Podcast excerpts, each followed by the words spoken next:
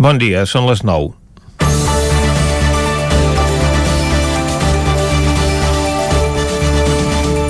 El govern de la Generalitat acusa el Tribunal Superior de Justícia de Catalunya d'irresponsable per mantenir la data del 14 de febrer per les eleccions al Parlament. Aquesta és, de moment, la decisió provisional a l'espera de resoldre definitivament el recurs presentat per la Generalitat, que tindrà lloc abans del 8 de febrer per escurçar els terminis. Ara bé, això implica que llavors ja estarem en plena campanya electoral que ha de començar divendres vinent, així com s'haurà activat tot el procediment del vot per correu que en el cas dels residents a l'estranger ja ha començat avançat. El mateix tribunal feia pública ahir una sentència en què condemnava el conseller Bernat Soler a un any d'inhabilitació i una multa de 16.800 euros per haver facilitat el referèndum de l'1 d'octubre quan era alcalde de Gramunt. Es tracta del primer alcalde condemnat de tots els que han estat processats pel delicte de desobediència al mandat del Tribunal Constitucional. Ara fa un mes que un jutjat de Figueres absolia l'alcaldessa de, Rosa, de Roses d'aquest mateix delicte en el, en el primer dels casos que van arribar a judici. El govern havia convocat una compareixença per expressar la seva indignació per aquesta sentència, que afecta el conseller d'Acció Exterior, Relacions Institucionals i Transparència i que com a tal és l'encarregat d'organitzar els processos electorals. Entremig, però, s'hi va interposar la decisió sobre la data de les eleccions que va donar peu a una posada en escena d'aquelles que ja semblava donar el tret de sortida a la campanya electoral. I no és per menys en un dia tan densament carregat d'actualitat electoral perquè al mateix temps el Centre d'Investigacions Sociològiques feia públic un sondeig que desmentia el del Centre d'Estudis d'Opinió. Segons el departament que presideix José Félix Tezanos, el guanyador a les eleccions al Parlament seria el seu partit, el socialista, amb una ajustada disputa amb Esquerra Republicana. Junts per Catalunya recularia fins a la tercera posició, la CUP pujaria considerablement i Vox entraria a la cambra amb més força que el PP gràcies a la desfeta de Ciudadanos.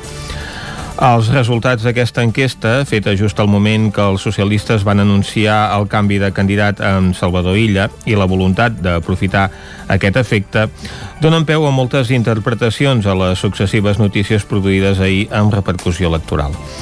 Ara bé, també cal recordar que ara mateix el partit que va ser el més votat les últimes eleccions no és qui governa. En qualsevol cas, si el 14 de febrer s'acaben celebrant les eleccions, el resultat pot tenir tota la legitimitat que es vulgui, però sempre quedarà en entredit per les circumstàncies en què s'hauran produït, al marge de la situació sanitària i perquè no s'hauran complert tots els terminis habituals. Perquè un dels arguments dels que invaliden el mandat de l'1 d'octubre és que la jornada electoral no es va dur a terme en condicions normals, i entre aquests hi ha molts suposadament independentistes. Comencem Territori 17, a la sintonia del 9 FM, Ona Codinenca, Ràdio Cardedeu, La Veu de Sant Joan i el 9 TV. Territori 17, amb Vicenç Vigues i Jordi Sunyer.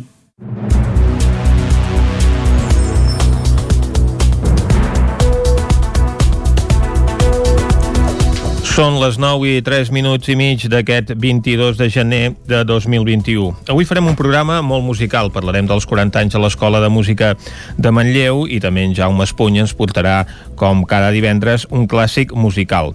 Repassarem la previsió esportiva i d'activitats oci del cap de setmana i també farem un apartat a la gastronomia amb la foc lent que ens portarà avui l'Isaac Muntades.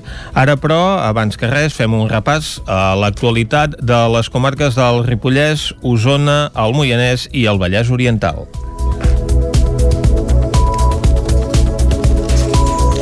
El Departament de Salut preveu arribar a 900 persones ingressades a les unitats de cures intensives per Covid-19 en les properes setmanes. Segons va explicar el director del Servei Català de la Salut, Adrià Comella, aquest dijous aquesta xifra podria elevar-se a 1.300 amb els malalts d'altres patologies. Comella va afirmar que aquestes previsions són en base a la situació actual, però també va alertar que si es dona alguna alteració, la situació de desbordament seria una possible realitat, a més a més d'obligar a ajornar operacions i proves complementàries. Segons els models predictius de la Generalitat, la tercera onada no tindrà res a veure amb la segona, sinó que s'assemblarà més a la de la primavera passada. El Ripollès es manifesta per reclamar el confinament comarcal i més ajudes als sectors afectats, mentre la situació epidemiològica millora lleugerament. Isaac Muntades, des de la veu de Sant Joan. El Ripollès està sent un dels punts de Catalunya on es concentren més reivindicacions per protestar contra les mesures anticovid que han perjudicat la comarca arran del confinament perimetral de les festes de Nadal. Aquest divendres a tres quarts d'onze del matí hi ha prevista una trobada a la plaça de l'Ajuntament de Ripoll del sector de la distribució majorista d'alimentació i begudes del Ripollès i la Cerdanya que han reclamat ajudes al govern de Catalunya. Està previst que s'entregui un manifest a l'alcalde de Ripoll, Jordi Monell, i a la regidora de Comerç, Manoli Vega. D'altra banda, de cara al pròxim divendres, dia 29 de gener, hi ha prevista una altra concentració a la plaça Sant Jaume de Barcelona Barcelona on hi seran els electes del Ripollès, l'Alt Pirineu i l'Aran per demanar mesures com el confinament comarcal o l'ampliació dels horaris d'obertura dels establiments de restauració atenent les temperatures i el públic potencial dels establiments a les poblacions menys habitades. Aquests càrrecs representen el 20% del territori de Catalunya, 96 municipis i 100.000 habitants. Des del Ripollès també es vol que reactivi el programa d'esport blanc escolar per permetre activitats com les Setmanes Blanques. Tot això en una setmana en què la situació epidemiològica al Ripollès ha millorat moltíssim, amb un risc de rebrot de 682 punts entre la setmana de l'11 l'11 al 17 de gener i una velocitat de propagació del virus URT de 0,72 punts. D'altra banda, es van confirmar 89 casos positius de la malaltia, que suposa un tant per cent de PCR o test d'antígens positius de poc més del 9%. A la comarca ja hi ha 750 persones vacunades amb la primera dosi i oficialment, segons les dades del Departament de Salut, 75 amb la segona, tot i que se'n comptabilitzarien almenys una desena més. La residència Fundació Bellaterra de Can Davànol van ser els primers a rebre la segona dosi de la vacuna després d'haver rebut la primera el passat 30 de desembre. En total es va administrar el vaccí a 50 residents i a 37 professionals. La situació a l'Hospital de Can Bànol també ha millorat lleugerament passant de 33 a 30 persones ingressades, de les quals n'hi ha 18 que estan hospitalitzades a la unitat d'aguts i 12 a sociosanitari, és a dir, que s'estan recuperant dels efectes de la malaltia. A l'hospital s'han produït 37 defuncions de les 71 persones del Ripollès i actualment hi ha 10 professionals positius, un més que en la darrera actualització. La mala notícia és que només aquest mes de gener s'han produït 7 defuncions al centre hospitalari, una xifra força dolenta. El risc de contagi continua a nivells molt elevats al Moianès. Les dades d'aquests dies són gairebé calcades a les de fa una setmana. Caral Campàs, des d'una Codinenca. Al Moianès aquesta setmana s'han detectat 34 nous casos positius per Covid-19. L'índex de risc de rebrot es situa en 634 punts i la taxa de reproducció en 1,22 que deixa enrere l'indicador de 1,91 que registrava fa una setmana. Tot i això, les xifres són similars a les de la setmana passada quan es van detectar un total de 37 casos nous de respecte als 34 de, de la passada. Pel que fa al nombre d'ingressats per la malaltia a la comarca puja de 8 a 9 persones. Malgrat tot, no s'ha hagut de lamentar cap nova defunció aquest 2021. Set dels 10 pobles de la comarca es troben amb dades que situen en molt alt el risc de rebrot, tot i així la situació és diferent segons el municipi. Els dos pobles més grans de la comarca, Mollà i Castellterçol, s'ha reduït el nombre de casos nous i s'ha baixat la taxa de risc de rebrot de manera substancial, però l'evolució és diferent en d'altres pobles com Castell Castellcí o Olor on els casos nous van en augment i la taxa s'enfila per sobre dels 1.500 punts. També s'han detectat casos nous a Collsospina i l'Estany, on encadenaven algunes setmanes sense cap positiu. Les dades positives les trobem a Sant Quirze de Safaja i Monistrol de Calders, que encadenen 15 dies sense cap cas de Covid detectat. Pel que fa a la situació a les escoles, s'ha confinat un grup de l'Institut Escola de Castellterçol després de, de, de detectar-se dos positius. Al marge de la situació, un total de 522 moianesos ja s'han posat la primera dosi de la vacuna. Els 13 municipis del Lluçanès demanen a la Generalitat de Catalunya que revisi urgentment la prohibició de la mobilitat entre municipis. En un comunicat emès pel Consorci del Lluçanès asseguren que el confinament municipal està comportant unes conseqüències econòmiques molt dures i una limitació de drets de la seva població. Lamenten que la Generalitat prengui decisions sense tenir en compte que la realitat de les zones rurals, com el cas del Lluçanès, dista molt de les zones urbanes. L'aplicació del confinament municipal, diuen, fa que empreses i persones emprenedores que han apostat pel Lluçanès no puguin oferir els seus serveis amb normalitat. Un fet que, segons el Consorci, podria fer que negocis de la zona es vegin forçats a tancar. La desena edició de la beca Ciutat de Vic vol potenciar la creació cultural i donar suport als artistes. 6.000 euros per premiar la creació artística és el que vol aconseguir la desena edició de la beca Ciutat de Vic, que es va presentar aquest dimecres. L'Ajuntament prioritza la creació, però alhora també la formació i l'exhibició artística, ho explicava l'alcaldessa de Vic, Anna R. creiem en aquesta força que pot tenir doncs, la creació i fins i tot que nosaltres la volem doncs, eh, donar a conèixer no? i també és aquella previsió que com a ciutat volem anar treballant amb la sort que tenim doncs, espais culturals que ens hi juguen i que també formen part d'aquesta exhibició doncs, de la creació com pot ser doncs, eh, l'Escola d'Arts i Oficis que tenim a la ciutat o, o el Centre d'Arts Escèniques o com pot ser doncs, l'Ateneu amb el casino és dir, espais que també ens ajuden en aquesta creativitat la convocatòria s'obrirà a finals de mes i es dirigeix al sector creatiu de les arts escèniques, musicals, arts visuals i audiovisuals, cultura popular i tradicional en el camp dels videojocs i la multimèdia. Susana Roura és la regidora de Cultura de l'Ajuntament de Vic fins ara potser havíem becat més el que era l'exhibició de, del producte artístic, per dir-ho d'una manera, sinó que ara estem potenciant la creació i tal com, com s'ha dit, perquè això també hi ha en el propi PAC, en el propi Pla d'Acció Cultural, una de les accions en les que se'ns va dir que s'havia d'incidir precisament era amb la potenciació de la creació i de la innovació. Durant la presentació de la nova beca també es va repassar el projecte guanyador de la passada edició, obra d'Helena Cànoves i Alba Font, creadores d'Espai sense títol, una videowalk per l'Atlàntida que combina dues realitats, l'offline i l'online. La pandèmia, però, ha obligat a replantejar el projecte que s'havia de portar a terme per l'aniversari de l'Atlàntida. Parets del Vallès homenatge a l'alpinista i exalcalde Sergi Mingote, que ens va deixar dissabte passat al K2. David Auladell, de Ràdio Televisió, Cardedeu. Parets va fer un homenatge a la figura de Sergi Mingote. L'acte es va celebrar a la plaça de la Vila i va comptar amb la presència de molts veïns del municipi. La família també va voler agrair totes les mostres de suport que està rebent i va voler recordar com era Sergi Mingote, que transmetia constantment optimisme i energia. Escoltem a la Iris, familiar de Sergi Mingote agrair a cadascuna de les persones que ens heu donat tant suport i escalf durant tots aquests dies. Ens hem vist realment sobrepassades per les mostres d'amor i de tot cor. Voldríem que aquest agraïment us arribés a tots. El Sergi era un polvorí, un tsunami. La seva energia ens omplia la vida, fins i tot eclipsava. El seu esperit de llibertat, però sobretot la seva capacitat de fer-nos sentir capaços de tot. Perquè la seva essència era aquesta, somiau, lluitau i ho aconseguiràs. A l'acte també es van projectar imatges de l'alpinista i van participar diverses entitats, com l'Escola Municipal de Música, el Centre d'Estudis Musicals Maria Gravé i l'Associació d'Amics de l'Òpera del Vallès Oriental.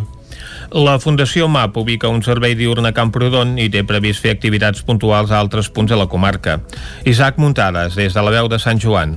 El passat dia 11 de gener, la Fundació MAP va reiniciar els serveis diurns que es van haver de suspendre durant el mes de desembre pel brot de coronavirus a les llars residència que va afectar l'entitat ripollesa. La responsable del Servei de Teràpia Ocupacional de la Fundació MAP, Victòria Mora, va explicar què suposava aquesta notícia. Es vam distribuir en diferents espais i serveis de la Fundació per donar cobertura a les demandes de les persones que atenem. Nosaltres atenem a unes 90 persones i d'aquestes un 50% quasi bé són, viuen a les llars llars de residència nostres i les altres viuen a domicilis particulars a casa seu. Val?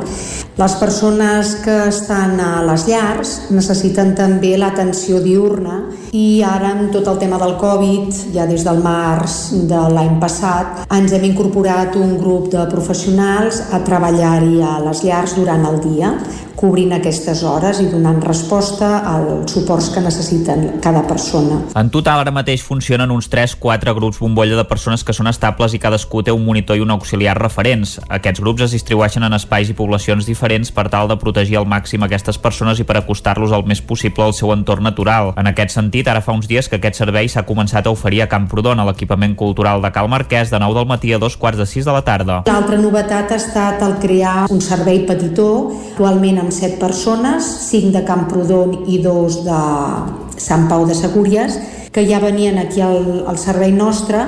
I d'aquesta manera evitem de que s'hagin de traslladar a Ripoll i hem fet, eh, gràcies a la, que ens han cedit un espai a l'Ajuntament de Camprodon, ens ha permès poder fer això. És, um, hi han dues monitores que viuen també a Camprodon i, per tant, aquest equip no, no s'ha de desplaçar d'allà i ens permet poder-hi donar l'atenció que cadascú necessita. La Fundació MAP també ha adequat l'espai de l'antiga nau de Can Bonet a Ripoll perquè les persones que viuen a les llars residències hi puguin estar durant el dia. A més, l'entitat ripollesa preveu que municipis com Sant Joan dels Abadeses i Ribes de Freser puguin acollir activitats més puntuals per les persones ateses residents a la zona. D'altra banda, aquest dijous s'hauria de posar la vacuna a les persones de les llars residència i els professionals que hi treballen i quedaran pendents els dels serveis diurns. I fins aquí aquest repàs a l'actualitat de les comarques del Vallès Oriental, el Ripollès, Osona i el Moianès que hem fet amb Clàudia Dinarès, Caral Campàs, David Auladell i Isaac Muntades. Ara arriba l'hora de fer una ullada al temps que es preveu pels propers dies.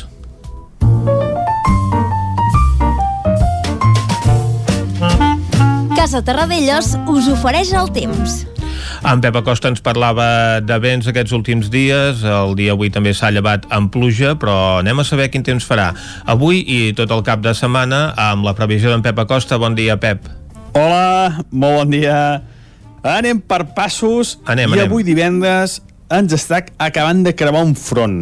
Ens creuarà aquest matí i ha deixat tres coses importants. Bueno, no molt importants tampoc, però sí, sí tres coses ha deixat, eh? La primera, pluja, eh, molt poca cosa. Molt poca pluja, un litre, dos, mm, poder cinc cap al Pirineu, però bueno, molt poca cosa. Pel que fa a la pluja, és un front de tercera o quarta categoria. Segona cosa important, pujada notable a les temperatures. Aquest vent de ponent, sobretot al litoral i al prelitoral, en el nostre país, fa que les temperatures es disparin. Estan per sobre els 10 graus, les mínimes han estat per sobre els 10 graus al prelitoral, entre 5 i 10 a l'interior, per sota de 5 graus només a les zones més fredes del Pirineu. Ja veieu, eh, quina pujada de temperatures amb aquest vent de ponent de l'oest. I la tercera, i la més important, les ventades. I hem superat els 100 km per hora a Vidater, 65 km per hora a Vilarrau o 60 Puigdesolles. Atenció, molt bé, eh? Atenció, després ho diré, però atenció, eh? Uh, de, de moment, aquests tres elements, eh? Deixar aquest front, aquest petit front, molt poca cosa pel que fa la pluja, però sí que una notable incidència, sobretot pel que fa al vent. Aquest front, en poques hores, serà història. A la tarda ja n'hi han sortint clarianes, cada vegada més, farà sol, i atenció, atenció, com deia, amb el vent. A partir d'ara començarà a entrar. I jo crec que fins a mitja tarda, fins a mitja tarda vespre, serà fort. Uh, sobretot el prelitoral, eh? Atenció a les poblacions del prelitoral que pot, pot bufar amb ventades de 50, 60, 70 km per hora. Serà molest, durarà bastantes hores. Uh, atenció perquè en algun lloc hi pot haver una conseqüència uh, una mica important. El vent, eh? El vent serà avui l'element més destacable. També les temperatures seran per sobre els 15 graus a moltes zones del prelitoral. A la resta, entre el 10, entre els 10 i els 15 graus de temperatura màxima. Pel que fa demà, avui ha quedat clar, eh? Avui ens, ens creu aquest petit front que provocarà vent, sobretot, eh? Vull que quedi molt clar això, que quedarà, farà molt de vent. A partir de demà, demà aquest front ja serà història, al matí farà sol i a la tarda ens torna a crear un petit front. Ja vaig dir que ara ha canviat el temps, hi ha un canvi de terç, i que els fronts són atlàntics, els vents són atlàntics. Uh, demà a la tarda el front també és molt desgastat, molt poca incidència, molts núvols i molt poca precipitació, i en aquest cas el vent sí que serà molt menys destacable demà. Les temperatures màximes molt semblants, per sobre dels 10 graus en la majoria de llocs, i les mínimes entre els 5 i els 10, és a dir, poc contrast tèrmic entre el dia i la nit i també unes temperatures molt suaus per l'època de l'any. I diumenge serà el dia més tranquil, més assolellat i amb unes temperatures altes molt semblants, mm, també entre els 10 i els 15 graus la majoria, i unes temperatures baixes una mica més baix. Una mica més baixes, perdó. Baixarem ja dels 10 graus a totes o gairebé totes les poblacions de les nostres comarques. I és que aquests vents de ponent eh, diumenge ja no se deixaran sentir, ja no, haurà, no tindran tanta influència i això fa que les temperatures mínimes puguin baixar una mica més. I això és tot, ha quedat clar, eh, sobretot avui aquest petit front, que el que provocarà sobretot és vent, molt de vent avui, Demà dissabte, un petit front a la tarda, molt poca cosa i de molt poques conseqüències.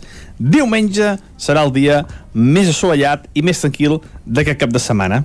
Moltes gràcies i dilluns explicarem aviam si els pronòstics no han fallat i com ha anat tot. Molt bon cap de setmana a tothom. Adeu. Molt bé, moltes gràcies, Pep. Efectivament, dilluns estarem a la guaita si aquests pronòstics s'han complert. En tot cas, ja sabem que avui hem d'anar en compte amb el vent, no tant amb la pluja, perquè el que caurà serà poca cosa.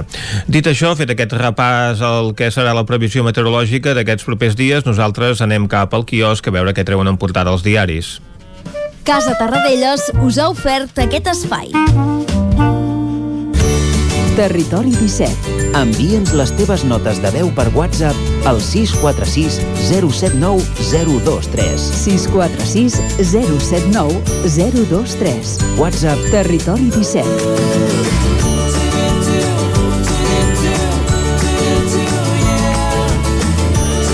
Territori 17. Som a Facebook, Twitter i Instagram amb l'usuari Territori 17.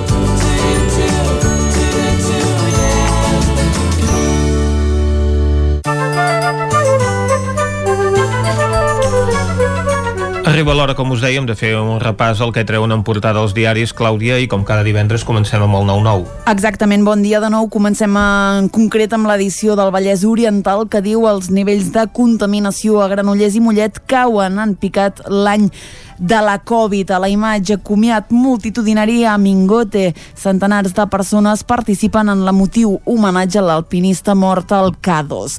Més coses, gairebé la meitat de la gent gran a residències ha passat la Covid-19 i reclamen eines de ventilació a les escoles sense haver d'obrir finestres. Anem a l'edició d'Osona i el Ripollès, que diu Girbau presenta un expedient per acomiadar 76 treballadors davant la pèrdua de facturació.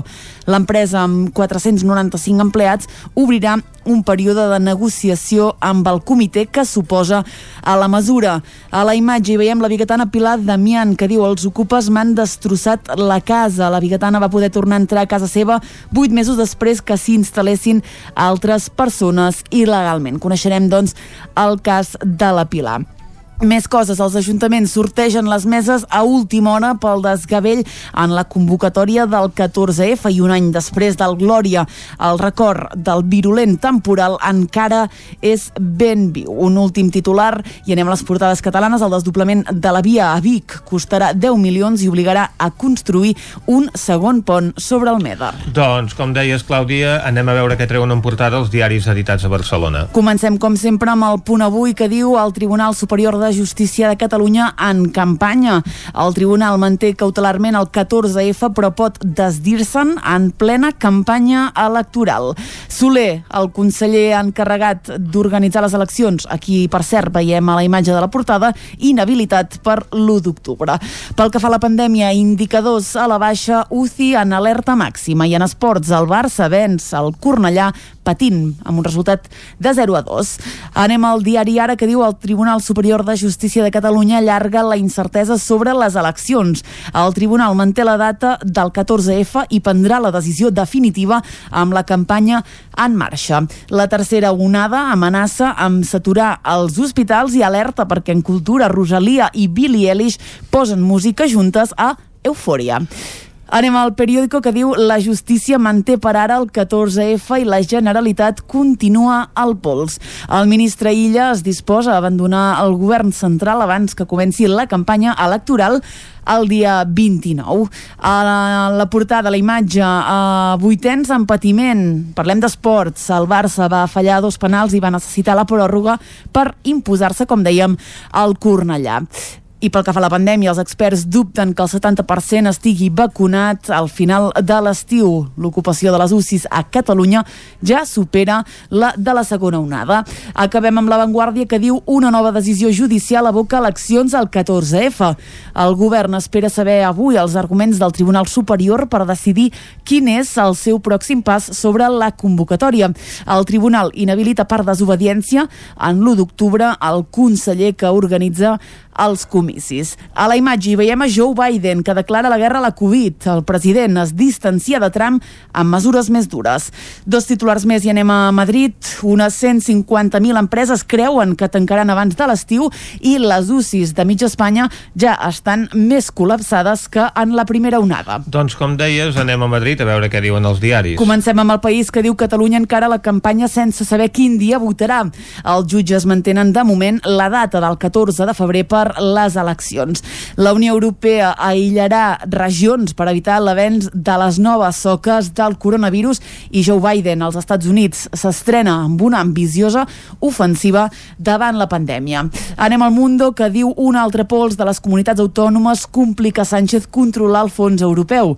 Presidents autonòmics criden a la població a autoconfinar-se voluntàriament davant la inacció de sanitat. A la imatge hi veiem el president i Illa que dimitirà abans de dijous al preveure que hi haurà eleccions el dia 14 de febrer. Als Estats Units, Biden canvia tota la gestió de Donald Trump contra la Covid-19. Anem a la raó que diu Moncloa frena el toc de queda per salvar el 14F. El Tribunal Superior de Justícia de Catalunya manté la data per celebrar les eleccions catalanes de forma cautelar. Illa, aquí, per cert, veiem a la imatge, s'instal·la ja a Catalunya en ple pic de la tercera onada de la pandèmia. Acabem, com sempre, amb l'ABC, que diu el Poder Judicial es defensa. 17 dels 21 vocals alerten al Congrés de que atenta contra la separació de poders. A la imatge diu un de cada cinc hospitalitzats a Espanya ho són per Covid-19. Europa demana accelerar la vacunació i acorda restringir els viatges per evitar el col·lapse per la soca britànica. Molt bé, doncs moltes gràcies, Clàudia. Avui sí que a diferència d'ahir, en què veiem que tots els diaris apareixien amb la fotografia del nou president dels Estats Units jurant el càrrec, doncs les imatges de portada dels diaris d'avui són totes diferents. I pel que fa a la compareixença ahir del govern en defensa del conseller Bernat Soler, que ha estat inhabilitat, doncs la veritat és que aquesta notícia només crida l'atenció al Punt Avui, que és l'únic diari català que l'ofereix a la seva portada, perquè el periòdico doncs, ha optat per una imatge dels jugadors del Barça i a l'acabar el partit a Cornellà. A l'avantguàrdia apareix doncs, Joe Biden eh, signant decrets eh, relacionats amb la Covid-19 i a l'ara que apareix precisament una imatge del virus que ha estat extreta, una imatge real que ha extret uns investigadors. Amb aquest repàs a l'actualitat tanquem ara aquest bloc informatiu. El nou FM, la ràdio de casa, al 92.8. Cobertes serveis funeraris. Els nostres tanatoris estan ubicats en els nuclis urbans més poblats de la comarca d'Osona per oferir un millor servei. Tanatori de Vic, Tanatori de Manlleu, Tanatori de Centelles i Tanatori de Roda de Ter. Sabem que són moments difícils i per això el nostre compromís és atendre-us en tot moment amb un tracte humà, sensible i respectuós. Cobertes serveis funeraris. Telèfon 24 hores 93 883 23 46. Tens 20.000 motius per comprar centelles i és que aquest Nadal repartim 20.000 euros en vals i premis. Només has de demanar la targeta de participació a qualsevol establiment comercial i de serveis de centelles i segellar quatre establiments diferents. Aquest Nadal comprar centelles té premi. Més informació a centelles.cat. Als comerços d'Olost hi trobaràs tot el que necessites. Ara i durant tot l'any som al teu costat. Vine, valora i gaudeix de tot el que tens a prop de casa. Fins al 17 de gener participa a la campanya de Nadal comprant als comerços locals i guanya vals de 50 euros. Som el teu comerç. Olost, el teu rebost. El nou FM. Cocodril Club. Si t'agrada la bona música dels anys 60, 70 i 80, escolta el 9 FM els matins de dissabtes i diumenges d'11 a 1. És el temps del Cocodril Club, tot un clàssic de la ràdio, amb les bases del pop-rock, les llegendes, les cançons que s'han convertit en autèntics himnes. Recorda, dissabtes i diumenges al matí, d'11 a 1, al 9 FM 92.8. Cocodril Club, el programa revival de l'Albert Malla. Hasta luego, cocodrilo. Anuncia't al 9FM. La màquina de casa. 9 3 8 8 9 4 9 4 9. Publicitat arroba al 9FM.cat. Anuncia't al 9FM. La publicitat més eficaç. Les bones decisions tenen premi. I és que si té una caldera Vaillant, està d'enhorabona. Vaillant li ofereix fins a 15 anys de cobertura total, amb la revisió obligatòria inclosa. Informis a Oficiat Nord trucant al 93 886 0040. Amb el servei tècnic oficial de Vaillant, la seva caldera estarà en les millors mans. Estudi fotogràfic. Nosaltres et lloguem el plató amb tot tipus de decorats i tu fas les fotos per només 18 euros l'hora. Per comunions, aniversaris, bucs, embarassades, nounats, suport rotatiu per fer vídeos de TikTok i molt més. Per Sant Valentí regala un val per només 18 euros i tindràs un bon record fotogràfic. Ens trobaràs al carrer de Sant Tomàs 4 de Call d'Atenes al telèfon 640 56 0310 i també a Instagram i a Facebook.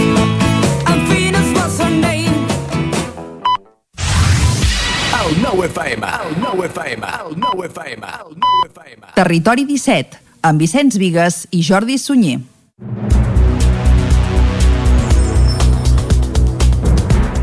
Són ara mateix dos quarts de 10, això és el Territori 17, som a la sintonia del 9 FM, la veu de Sant Joan, Ràdio Cardedeu i Ona Codinenca, i el que farem ara és un repàs a l'actualitat de les comarques del Moianès, el Ripollès, Osona i el Vallès Oriental. El Departament de Salut preveu arribar a 900 persones ingressades a les unitats de cures intensives per Covid-19 en les properes setmanes. Segons va explicar el director del Servei Català de la Salut, Adrià Comella, aquest dijous aquesta xifra podria elevar-se a 1.300 amb els malalts d'altres patologies. Comella va afirmar que aquestes previsions són en base a la situació actual, però també va alertar que si es dona alguna alteració, la situació de desbordament seria una possible realitat, a més a més d'obligar a ajornar operacions i proves complementàries. Segons els models predictius de la Generalitat, la tercera onada no tindrà res a veure amb la segona, sinó que s'assemblarà més a la de la primavera passada. El Ripollès es manifesta per reclamar el confinament comarcal i més ajudes als sectors afectats, mentre la situació epidemiològica millora lleugerament. Isaac Muntades, des de la veu de Sant Joan.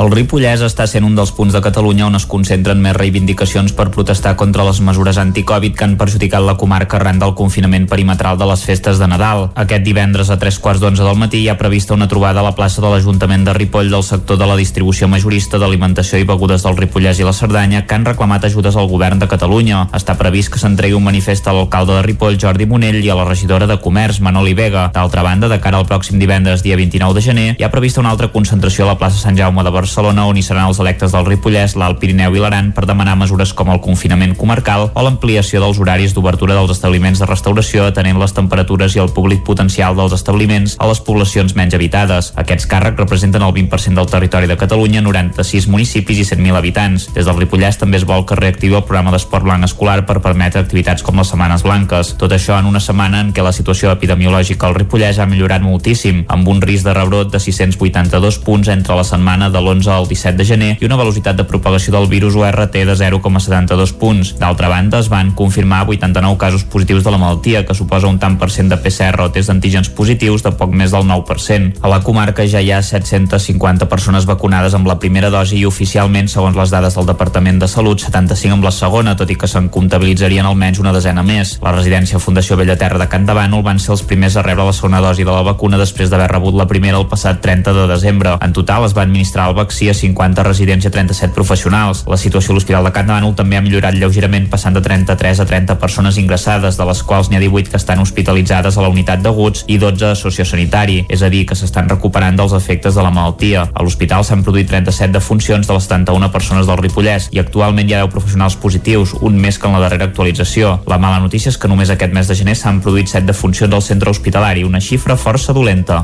El risc de contagi continua a nivells molt elevats al Moianès. Les dades d'aquests dies són gairebé calcades a les de fa una setmana. Caral Campàs, des d'una Codinenca. Al Moianès aquesta setmana s'han detectat 34 nous casos positius per Covid-19. L'índex de risc de rebrot es situa en 634 punts i la taxa de reproducció en 1,22 que deixa enrere l'indicador de 1,91 que registrava fa una setmana. Tot i això, les xifres són similars a les de la setmana passada quan es van detectar un total de 37 casos nous de respecte als 34 de, de la passada. Pel que fa al nombre d'ingressats per la malaltia a la comarca puja de 8 a 9 persones. Malgrat tot, no s'ha hagut de lamentar cap nova defunció aquest 2021.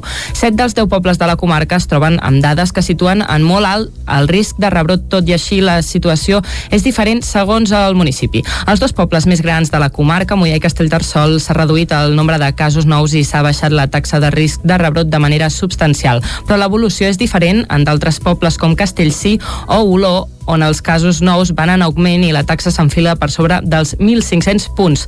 També s'han detectat casos nous a Collsospina i l'Estany, on encadenaven algunes setmanes sense cap positiu. Les dades positives les trobem a Sant Quirze de Safaja i Monistrol de Calders, que encadenen 15 dies sense cap cas de Covid detectat. Pel que fa a la situació a les escoles, s'ha confinat un grup de l'Institut Escola de Castellterçol després de, detectar, de detectar-se dos positius. Al marge de la situació, un total de 522 moianesos ja s'han posat la primera dosi de la vacuna. Els 13 municipis del Lluçanès demanen a la Generalitat de Catalunya que revisi urgentment la prohibició de la mobilitat entre municipis. En un comunicat emès pel Consorci del Lluçanès asseguren que el confinament municipal està comportant unes conseqüències econòmiques molt dures i una limitació de drets de la seva població. Lamenten que la Generalitat prengui decisions sense tenir en compte que la realitat de les zones rurals, com el cas del Lluçanès, dista molt de les zones urbanes. L'aplicació del confinament municipal, diuen, fa que empreses i persones emprenedores que han apostat pel Lluçanès no puguin oferir els seus serveis amb normalitat. Un fet que, segons el Consorci, podria fer que negocis de la zona es vegin forçats a tancar. La desena edició de la beca Ciutat de Vic vol potenciar la creació cultural i donar suport als artistes. 6.000 euros per premiar la creació artística és el que vol aconseguir la desena edició de la beca Ciutat de Vic, que es va presentar aquest dimecres. L'Ajuntament prioritza la creació, però alhora també la formació i l'exhibició artística, ho explicava l'alcaldessa de Vic, Anna R creiem en aquesta força que pot tenir doncs, la creació i fins i tot que nosaltres la volem doncs, eh, donar a conèixer no? i també és aquella previsió que com a ciutat volem anar treballant amb la sort que tenim doncs, espais culturals que ens hi juguen i que també formen part d'aquesta exhibició doncs, de la creació com pot ser doncs, eh, l'Escola d'Arts i Oficis que tenim a la ciutat o, o el Centre d'Arts Escèniques o com pot ser doncs, l'Ateneu amb el Casino és dir, espais que també ens ajuden en aquesta creativitat la convocatòria s'obrirà a finals de mes i es dirigeix al sector creatiu de les arts escèniques, musicals, arts visuals i audiovisuals, cultura popular i tradicional en el camp dels videojocs i la multimèdia. Susana Roura és la regidora de Cultura de l'Ajuntament de Vic. Fins ara potser havíem becat més el que era l'exhibició de, del producte artístic, per dir-ho d'una manera, sinó que ara estem potenciant la creació i tal com, com s'ha dit, perquè això també hi ha en el propi PAC, en el propi Pla d'Acció Cultural, una de les accions en les que se'ns va dir que s'havia d'incidir precisament era amb la potenciació de la creació i de la innovació. Durant la presentació de la nova beca també es va repassar el projecte guanyador de la passada edició, obra d'Helena Cànoves i Alba Font, creadores d'Espai sense títol, una videowalk per l'Atlàntida que combina dues realitats, l'offline i l'online. La pandèmia, però, ha obligat a replantejar el projecte que s'havia de portar a terme per l'aniversari de l'Atlàntida. Parets del Vallès, homenatge a l'alpinista i exalcalde Sergi Mingote, que ens va deixar dissabte passat al K2. David Auladell, de Ràdio Televisió, Cardedeu. Parets va fer un homenatge a la figura de Sergi Mingote. L'acte es va celebrar a la plaça de la Vila i va comptar amb la presència de molts veïns del municipi. La família també va voler agrair totes les mostres de suport que està rebent i va voler recordar com era Sergi Mingote, que transmetia constantment optimisme i energia. Escoltem a la Iris, familiar de Sergi Mingote. Agrair a cadascuna de les persones que ens heu donat tant suport i escalf durant tots aquests dies ens hem vist realment sobrepassades per les mostres d'amor i de tot cor. Voldríem que aquest agraïment us arribés a tots. El Sergi era un polvorí, un tsunami. La seva energia ens omplia la vida, fins i tot eclipsava. El seu esperit de llibertat, però sobretot la seva capacitat de fer-nos sentir capaços de tot. Perquè la seva essència era aquesta. Somiau, lluitau i ho aconseguiràs. A l'acte també es van projectar imatges de l'alpinista i van participar diverses entitats, com l'Escola Municipal de Música, el Centre d'Estudis Musicals Maria Gravé i l'Associació d'Amics de l'Òpera del Vallès Oriental. La Fundació MAP ubica un servei diurn a Camprodon i té previst fer activitats puntuals a altres punts de la comarca. Isaac Muntades, des de la veu de Sant Joan. El passat dia 11 de gener, la Fundació MAP va reiniciar els serveis diurns que es van haver de suspendre durant el mes de desembre pel brot de coronavirus a les llars residència que va afectar l'entitat ripollesa. La responsable del Servei de Teràpia Ocupacional de la Fundació MAP, Victòria Mora, va explicar què suposava aquesta notícia. Es vam distribuir en diferents espais i serveis de la Fundació per donar cobertura a les demandes de les persones que atenem. Nosaltres atenem a unes 90 persones i d'aquestes un 50% quasi bé són, viuen a les llars llars de residència nostres i les altres viuen a domicilis particulars a casa seu. Val? Les persones que estan a les llars necessiten també l'atenció diurna i ara amb tot el tema del Covid, ja des del març de l'any passat, ens hem incorporat un grup de professionals a treballar-hi a les llars durant el dia, cobrint aquestes hores i donant resposta als suports que necessiten cada persona. En total, ara mateix funcionen uns 3-4 grups bombolla de persones que són estables i cadascú té un monitor i un auxiliar referents. Aquests grups es distribueixen en espais i poblacions diferents per tal de protegir al màxim aquestes persones i per acostar-los el més possible al seu entorn natural. En aquest sentit, ara fa uns dies que aquest servei s'ha començat a oferir a Camprodon, a l'equipament cultural de Cal Marquès, de 9 del matí a dos quarts de 6 de la tarda. L'altra novetat ha estat el crear un servei petitó, actualment amb 7 persones, 5 de Camprodon i 2 de Sant Pau de Segúries, que ja venien aquí al, al servei nostre i d'aquesta manera evitem de que s'hagin de traslladar a Ripoll i hem fet, eh, gràcies a la, que ens han cedit un espai a l'Ajuntament de Camprodon, ens ha permès poder fer això. És, um, hi han dues monitores que viuen també a Camprodon i, per tant, aquest equip no, no s'ha de desplaçar d'allà i ens permet poder-hi donar l'atenció que cadascú necessita. La Fundació MAP també ha adequat l'espai de l'antiga nau de Can Bonet a Ripoll perquè les persones que viuen a les llars residències hi puguin estar durant el dia. A més, l'entitat ripollesa preveu que municipis com Sant Joan dels Abadeses i Ribes de Freser puguin acollir activitats més puntuals per les persones ateses residents a la zona. D'altra banda, aquest dijous s'hauria de posar la vacuna a les persones de les llars residència i els professionals que hi treballen i quedaran pendents els dels serveis diurns. I fins aquí aquest repàs a l'actualitat de les comarques del Vallès Oriental, el Ripollès, Osona i el Moianès que hem fet amb Clàudia Dinarès, Caral Campàs, David Auladell i Isaac Muntades. Ara arriba l'hora de fer una ullada al temps que es preveu pels propers dies.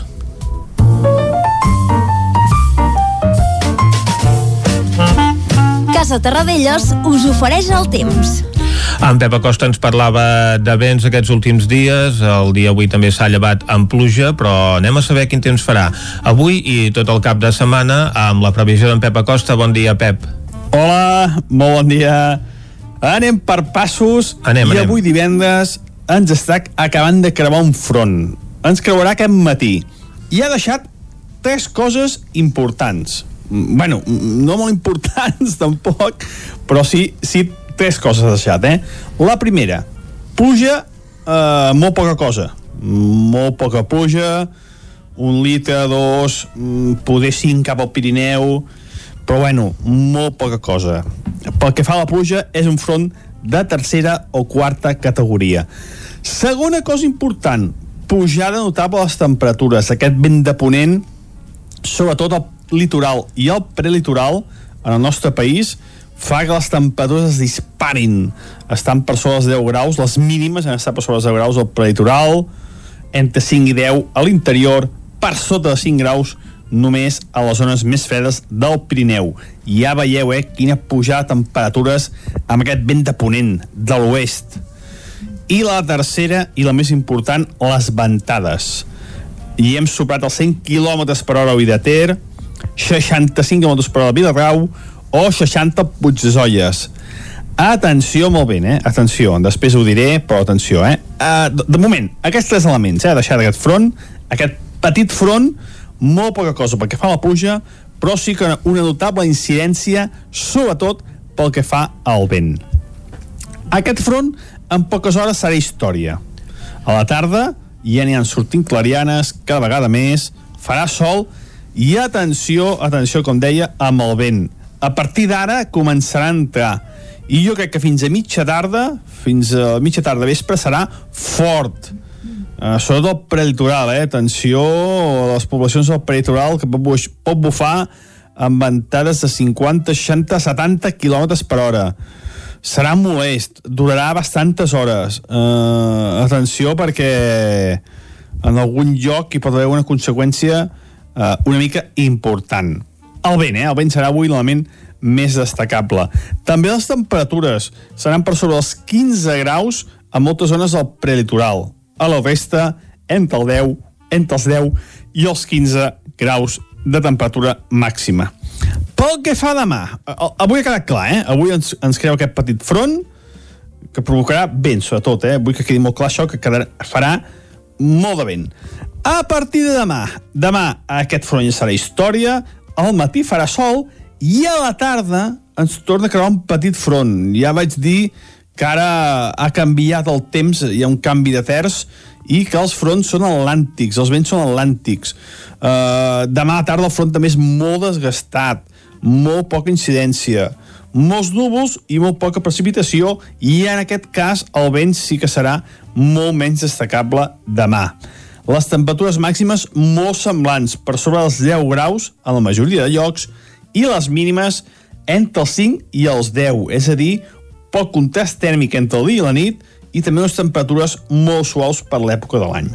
I diumenge serà el dia més tranquil, més assolellat i amb unes temperatures altes molt semblants, mm, també entre els 10 i els 15 graus la majoria, i unes temperatures baixes una mica més baixes.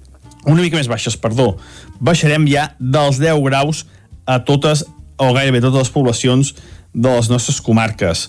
I és que aquests vents de Ponent eh, diumenge ja no se deixaran sentir, ja no, no tindran tanta influència i això fa que les temperatures mínimes puguin baixar una mica més. I això és tot, ha quedat clar, eh, sobretot avui aquest petit front, que el que provocarà sobretot és vent, molt de vent avui, Demà dissabte, un petit front a la tarda, molt poca cosa i de molt poques conseqüències. Diumenge serà el dia més assolellat i més tranquil d'aquest cap de setmana. Moltes gràcies i dilluns explicarem aviam si els pronòstics no han fallat i com ha anat tot. Molt bon cap de setmana a tothom. Adeu. Molt bé, moltes gràcies, Pep. Efectivament, dilluns estarem a la guaita si aquests pronòstics s'han complert. En tot cas, ja sabem que avui hem d'anar en compte amb el vent, no tant amb la pluja, perquè el que caurà serà poca cosa. Dit això, fet aquest repàs al que serà la previsió meteorològica d'aquests propers dies, nosaltres anem cap al quiosc a veure què treuen en portada els diaris. Casa Tarradellas us ha ofert aquest espai. Territori 17. Envia'ns les teves notes de veu per WhatsApp al 646 079 023. 646 079 023. WhatsApp Territori 17.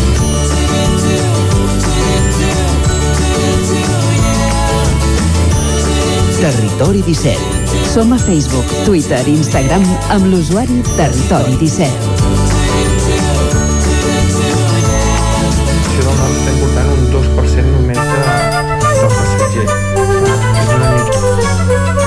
Arriba l'hora, com us dèiem, de fer un repàs al que treuen en portada els diaris, Clàudia, i com cada divendres comencem amb el 9-9. Exactament, bon dia de nou. Comencem en concret amb l'edició del Vallès Oriental que diu els nivells de contaminació a Granollers i Mollet cauen, han picat l'any de la Covid. A la imatge, comiat multitudinari a Mingote. Centenars de persones participen en l'emotiu homenatge a l'alpinista mort al K2. Més coses, gairebé la meitat de la gent gran a residències ha passat la Covid-19 i reclamen eines de ventilació a les escoles sense haver d'obrir finestres. Anem a l'edició d'Osona i el Ripollès, que diu Girbau presenta un expedient per acomiadar 76 treballadors davant la pèrdua de facturació. L'empresa, amb 495 empleats, obrirà un període de negociació amb el comitè que suposa a la mesura. A la imatge hi veiem la biguetana Pilar Damián, que diu els ocupes m'han destrossat la casa. La biguetana va poder tornar a entrar a casa seva vuit mesos després que s'hi instal·lessin altres persones il·legalment. Coneixerem, doncs, el cas de la Pilar. Més coses, els ajuntaments sortegen les meses a última hora pel desgavell en la convocatòria del 14F i un any després del Glòria. El record del virulent temporal encara és ben viu. Un últim titular i anem a les portades catalanes. El desdoblament de la via a Vic costarà 10 milions i obligarà a construir un segon pont sobre el Meder. Doncs, com deies, Clàudia, anem a veure què treuen en portada els diaris editats a Barcelona. Comencem, com sempre, amb el punt avui que diu el Tribunal Superior de Justícia de Catalunya en campanya. El Tribunal manté cautelarment el 14F, però pot desdir-se'n en plena campanya electoral. Soler, el conseller encarregat d'organitzar les eleccions, aquí, per cert, veiem a la imatge de la portada, inhabilitat per l'1 d'octubre. Pel que fa a la pandèmia, indicadors a la baixa, UCI en alerta màxima i en esports el Barça venç el Cornellà patint amb un resultat de 0 a 2. Anem al diari Ara que diu el Tribunal Superior de Justícia de Catalunya allarga la incertesa sobre les eleccions. El Tribunal manté la data del 14F i prendrà la decisió definitiva amb la campanya en marxa. La tercera onada amenaça amb saturar els hospitals i alerta perquè en cultura Rosalia i Billie Eilish posen música juntes a Eufòria. Anem al periòdico que diu la justícia manté per ara el 14F i la Generalitat continua al pols. El ministre Illa es disposa a abandonar el govern central abans que comenci la campanya electoral el dia 29. A la portada, la imatge, a vuitens en patiment. Parlem d'esports. El Barça va fallar dos penals i va necessitar la pròrroga per imposar-se, com dèiem, al Cornellà. I pel que fa a la pandèmia, els experts dubten que el 70% estigui vacunat al final de l'estiu. L'ocupació de les UCIs a Catalunya ja supera la de la segona onada. Acabem amb l'avantguàrdia que diu una nova decisió judicial aboca eleccions al 14F. El govern espera saber avui els arguments del Tribunal Superior per decidir quin és el seu pròxim pas sobre la convocatòria. El Tribunal inhabilita per desobediència en l'1 d'octubre el conseller que organitza els comicis. A la imatge hi veiem a Joe Biden, que declara la guerra a la Covid. El president es distancia de Trump amb mesures més dures. Dos titulars més i anem a Madrid. Unes 150.000 empreses creuen que tancaran abans de l'estiu i les UCIs de mitja Espanya ja estan més col·lapsades que en la primera onada. Doncs, com deies, anem a Madrid a veure què diuen els diaris. Comencem amb el país que diu Catalunya encara la campanya sense saber quin dia votarà. Els jutges mantenen de moment la data del 14 de febrer per les eleccions. La Unió Europea aïllarà regions per evitar l'avenç de les noves soques del coronavirus i Joe Biden als Estats Units s'estrena amb una ambiciosa ofensiva davant la pandèmia. Anem al Mundo que diu un altre pols de les comunitats autònomes complica Sánchez controlar el fons europeu. Presidents autonòmics criden a la població a autoconfinar-se voluntàriament davant la inacció de sanitat. A la imatge hi veiem el president i aïlla que dimitirà abans de dijous al preveure que hi haurà eleccions el dia 14 de febrer. Als Estats Units, Biden canvia tota la gestió de Donald Trump contra la Covid-19. Anem a la raó que diu Moncloa frena el toc de queda per salvar el 14F. El Tribunal Superior de Justícia de Catalunya manté la data per celebrar les eleccions catalanes de forma cautelar. Illa, aquí, per cert, veiem a la imatge, s'instal·la ja a Catalunya en ple pic de la tercera onada de la pandèmia. Acabem, com sempre, amb l'ABC que diu el Poder Judicial es defensa. 17 dels 21 vocals alerten al Congrés de que atenta contra la separació de poders. A la imatge diu un de cada cinc hospitalitzats a Espanya ho són per Covid-19. Europa demana accelerar la vacunació i acorda restringir els viatges per evitar el col·lapse per la soca britànica. Molt bé, doncs moltes gràcies, Clàudia. Avui sí que a diferència d'ahir, en què veiem que tots els diaris apareixien amb la fotografia del nou president dels Estats Units jurant el càrrec, doncs les imatges de portada dels diaris d'avui són totes diferents. I pel que fa a la compareixença ahir del govern en defensa del conseller Bernat Soler, que ha estat inhabilitat, doncs la veritat és que aquesta notícia només crida l'atenció al punt avui, que és l'únic diari català que l'ofereix a la seva portada perquè el periòdico doncs, ha optat per una imatge dels jugadors del Barça i a l'acabar el partit a Cornellà. A l'avantguàrdia apareix doncs, Joe Biden eh, signant decrets eh, relacionats amb la Covid-19 i a l'ara que apareix precisament una imatge del virus que ha estat extreta, una imatge real que ha extret uns investigadors. Amb aquest repàs a l'actualitat tanquem ara aquest bloc informatiu.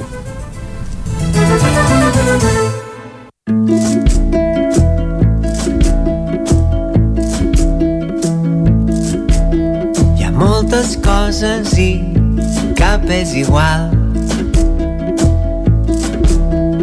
Palmeres, galàxies i animals. Tot el seu calaix. Tots ben separats, així a mi m'ho han ensenyat. La trajectòria d'aquell avió. Quan el sol toca el mar a l'horitzó. I aquest tren que va lent enrere queda la gent i per fi em sembla que alguna cosa entenc. I vas mirant al teu voltant i veus que en realitat en aquest món tot està connectat. I això em fa pensar que tu i jo estrelles i ocells no som tan diferents del mateix lloc. Venim des de fa temps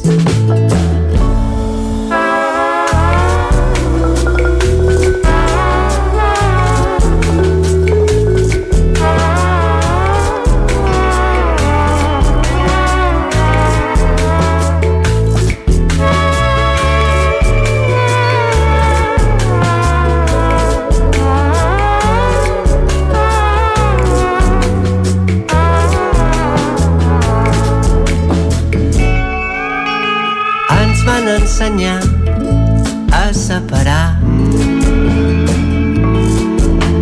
Però ja més no podem esperar que deixin de parlar que això ho hem de juntar que és de veritat tal com ha d'estar i vas mirant al teu voltant i veus que en realitat en aquest món tot està connectat. I això em fa pensar que tu i jo estrelles i ocells no som tan diferents del mateix lloc. Venim des de fa temps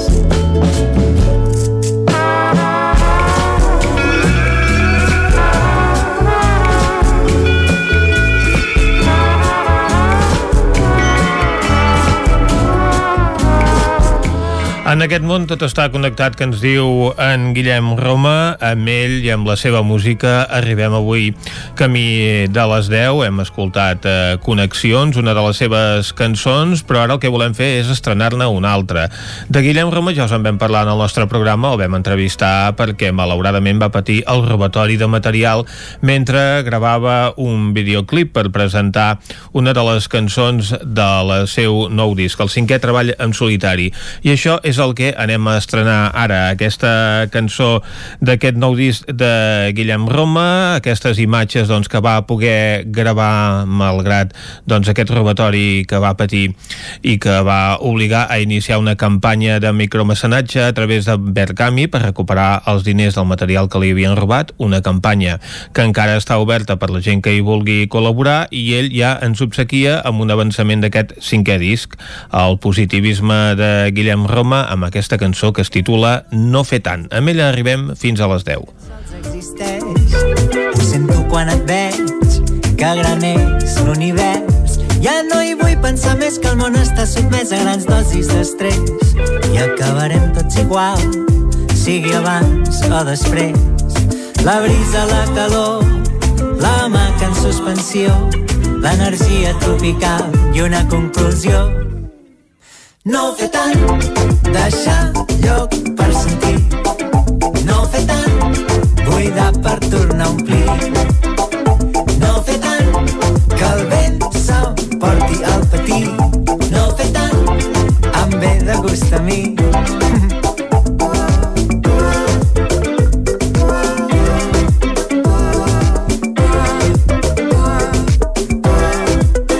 I en els teus millors anys que has de ser productiu com a molt somiaràs 15 dies d'estiu i saps perfectament que això no és estar viu. No li diguis al mar que hi posi més esforç on aquell petit bosc que tregui rendiment pensant naturalment. Tot això no s'entén. Els núvols ja està bé, les plantes ho saben fer. Miro el sol que es va ponent amb un pensament. No fer tant, deixar lloc per sentir. No fer tant, buidar per tornar a omplir. No fer tant,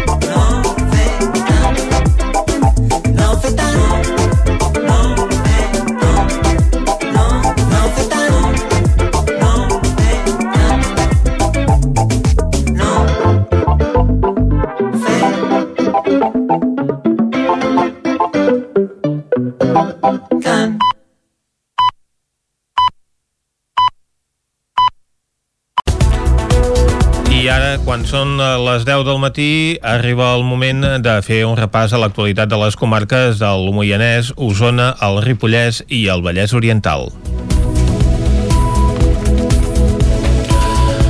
El Tribunal Superior de Justícia de Catalunya ha decidit mantenir la suspensió cautelar del decret que ajorna les eleccions del 14 de febrer. Els comicis, per tant, es mantenen en aquesta data. De moment, el Tribunal ha donat a conèixer el resultat de la seva deliberació, però farà pública la resolució amb l'argumentació previsiblement divendres. La sala també ha decidit retallar els terminis de tramitació de la demanda i ha donat a les parts quatre dies en lloc de vuit per posicionar-se de forma que hi haurà sentència abans del 8 de febrer. Si els magistrats apuren aquest termini que s'han marcat ja, haurà passat més de mitja campanya electoral. Els recursos que es puguin interposar ara no poden aixecar les mesures cautelars preses. El tribunal ha estudiat les seves al·legacions presentades per la Generalitat i per la Fiscalia que avalava la suspensió i ha decidit mantenir les mesures cautelaríssimes que va estimar dimarts, situant de moment les eleccions el 14 de febrer. La línia E12 s'ha consolidat com una alternativa fiable al tren per fer el recorregut entre Osona i Barcelona. Una de les parades més cèntriques de la línia, però, la del carrer Casp, a escassos metres de la plaça Urquinaona, podria tenir els dies comptats. L'Ajuntament de Barcelona ha fet pública la previsió d'eliminar-la per tal de reduir el trànsit i la contaminació del centre de la ciutat, responent així també per les queixes dels veïns. Joan Martín és el director d'explotació de Segalés a Osona. Triguem quasi una hora i quart vale, anar fins a Casp. Que una hora i quart quasi bé amb el cotxe trigues una miqueta menys o a vegades trigues més depèn del tràfic i el bus amb el carril bus triga menys clar, molta gent, el tren que tenim nosaltres és nefast clar, nosaltres som una alternativa al 100% en, per anar al centre si ens la treuen això ja ho haurà de decidir la gent La pèrdua d'aquesta parada afectaria el 21% dels usuaris de Segalés. El consistori barceloní preveu reubicar totes les línies. Actualment a l'estació del nord estem portant un 2% només de, del passatger que és una miqueta irrisori això vol dir que deixaríem de portar molta gent que va a Barcelona al centre perquè no és el mateix anar a, Casp vale, que canviar-ho per, per l'estació del nord En el conflicte també hi ha pres part eh, l'Ajuntament de Vic, que ara sí, des d'on afirmen que no es traurà la parada de casp, tal com els ha ratificat el director general de Mobilitat, Fabiana Palmero. És la regidora de Mobilitat de l'Ajuntament de Vic. en principi tenim aquest, aquest compromís de la Generalitat que això no es toca i per tant nosaltres contem amb aquesta parada no es mou. Ara no sé eh, quines altres coses hi ha perquè les, nosaltres és a dir, a nivell de, de protocol no tenim res, és a dir, no ens ha arribat cap document escrit eh, ni res des de l'Ajuntament de Barcelona que digui que volen treure aquesta parada, només va ser aquella reunió fa uns mesos de manera més aviat informal i nosaltres vetllem i volem vetllar perquè aquesta parada es quedi i si no és justament en la cantonada de Cas i Pau Claris que sigui 100 metres més aquí, 100 metres més allà però el que no podem fer és que treguin aquesta parada i haguem d'anar a l'estació del nord perquè no ens resol el problema. De moment la parada continua activa i totes les parts queden a l'expectativa de la decisió final del consistori barceloní. El Col·legi d'Advocats de Vic demana que es construeixi un palau de la justícia a la ciutat. El trasllat dels judicis penals a Manresa a l'octubre del 2019 va posar de manifest la precarietat de les instal·lacions judicials de Vic. Des del Col·legi d'Advocats asseguren que reformar els edificis actuals o traslladar-los als baixos d'un edifici situat a la ronda Camprodon que va cedir l'Ajuntament eternitzarà el problema d'espai. Per això demanen la construcció d'un Palau de la Justícia. Rogeli Montoliu és el degà del Col·legi d'Advocats de Vic. Nosaltres pengem de Manresa, que aquest és un altre debat. A la comarca ens hem deixat perdre tots els centres de decisió de poder. O sigui, no ho hem defensat bé. O sigui, hi ha hagut com una falta de mm, convicció de que aquesta era una comarca que podia pesar tant o més que la del Bages. Fixeu-vos que hem perdut tots els serveis, ens estem quedant sense res. La sala de procuradors, bueno, el metge forense, no acabaríem mai. Per poder donar sortida a totes aquestes necessitats no hi ha altra solució, vulguem o no vulguem, això ho hem d'acceptar, que construir un palau de justícia per dir. Des del col·legi asseguren que ara és un bon moment per promoure el Palau de Justícia a Vic, una aposta clau per evitar la provincialització de la justícia, una maniobra del Ministeri de Justícia espanyol que vol centralitzar les seus judicials a les capitals de província. Què ens passaran a nosaltres aquí a Vic? Ens passarà que si no ens espavilem, si no construïm aquest Palau de Justícia, aprofitaran la vinentesa per dir, home, com que Vic és d'una dimensió més aviat mitjana petita, com que no tenen un palau de justícia, com que tenen les seus judicials aquí en uns edificis absolutament obsolets, aprofitem i els posem a Barcelona. El Col·legi d'Advocats assegura que amb l'aprovació del POUM l'Ajuntament disposa de solars edificables per a equipaments públics, solars que el consistori biguetà hauria de cedir al Departament de Justícia. La Fundació MAP ubica un servei diurn a Camprodon i té previst fer activitats puntuals a altres punts de la comarca. Isaac Muntades, des de la veu de Sant Joan. El passat dia 11 de gener, la Fundació MAP va reiniciar els serveis diurns que es van haver de suspendre durant el mes de desembre pel brot de coronavirus a les llars residència que va afectar l'entitat ripollesa. La responsable del Servei de Teràpia Ocupacional de la Fundació MAP, Victòria Mora, va explicar què suposava aquesta notícia. Es vam distribuir en diferents espais i serveis de la Fundació per donar cobertura a les demandes de les persones que atenem. Nosaltres atenem a unes 90 persones i d'aquestes un 50% quasi bé són, viuen a les llars de residència nostres i les altres viuen a domicilis particulars a casa seu. Val?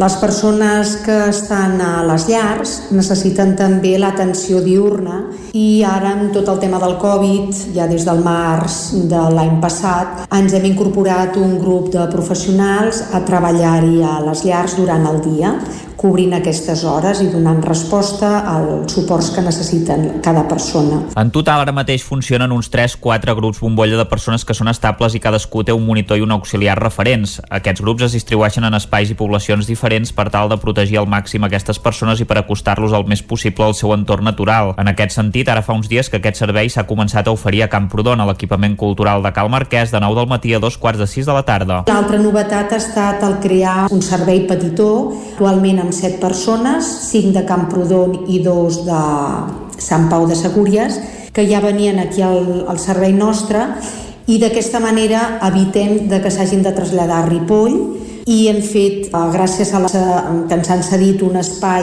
a l'Ajuntament de Camprodon, ens ha permès poder fer això.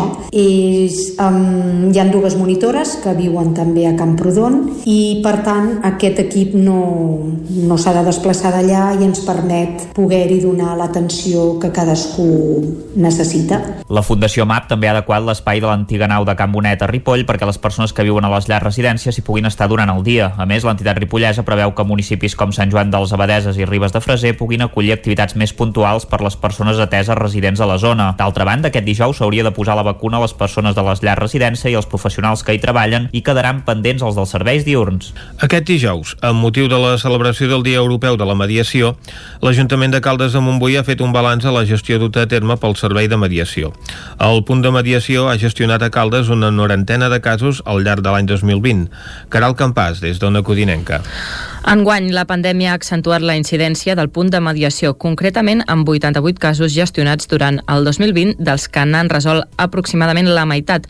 La situació de pandèmia i, espe i especialment els casos de confinament han fet que els casos tractats hagin estat al voltant de conflictes sorgits dins l'entorn familiar. Ho explicava Isidre Pineda, alcalde de Caldes.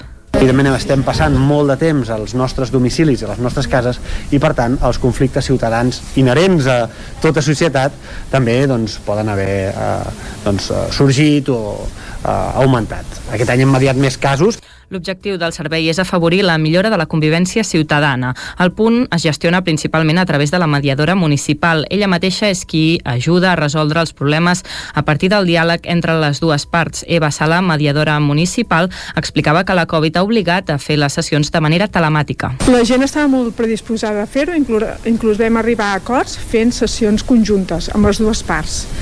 Um, sí que és veritat que fer una sessió online a una sessió en directe és diferent no? pel tema de les emocions, no les pot recollir però és molt més a Harvard eh, és molt més negociació i arribes a acords igualment no? Aquest servei no és una eina que tingui l'Ajuntament per obligació sinó que a principis del 2015 es va prendre la decisió de posar-lo en funcionament. L'objectiu era oferir una eina per la gestió positiva de conflictes que poguessin sorgir en l'àmbit de la ciutadania així com per treballar en relació a la cultura de la pau i el diàleg. Es tracta d'un servei gratuït i, i confidencial que des de que es va posar en marxa ha gestionat més de 400 casos.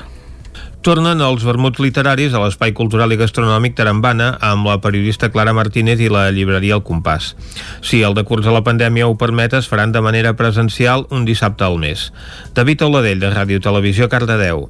Aquest dissabte 23 de gener a les 12 del migdia es fa el primer vermut literari de l'any 2021 amb l'actriu i escriptora Clara Moraleda, finalista del Premi Josep Pla 2020 amb el teu nom, un recull de 29 contes on els lectors es poden endinsar en petits bocins de la vida, on la Clara parla d'un ventall de temes molt ampli amb un estil molt proper i fresc. Clara Martínez, periodista i dinamitzadora dels vermuts. La Clara és coneguda perquè ha fet actriu a diferents espectacles, sobretot musicals, com pot ser doncs, a Maricel o Escaramuix o El despertar de la primavera, i també és molt coneguda perquè té un canal de YouTube amb el nom de Leopolda Olda. Doncs eh, diguem que aquest estil fresc eh, que es veu en aquests vídeos doncs, també eh, trobo que, que es transmet molt en la seva manera d'escriure. El teu nom serà el protagonista del primer Vermut 2021. El proper serà el dissabte 20 de febrer amb en Guillem Sala i la seva novel·la Càstig, i per tancar el trimestre la Casa del Foc, guanyador del Premi Proa de novel·la. I fins aquí aquest repàs a l'actualitat de les comarques d'Osona, el Ripollès, el Moianès i el Vallès Oriental que hem fet amb Clàudia Dinarès, Caral Campàs, David Auladell i Isaac Muntades. Ara arriba l'hora de fer un repàs a la situació meteorològica.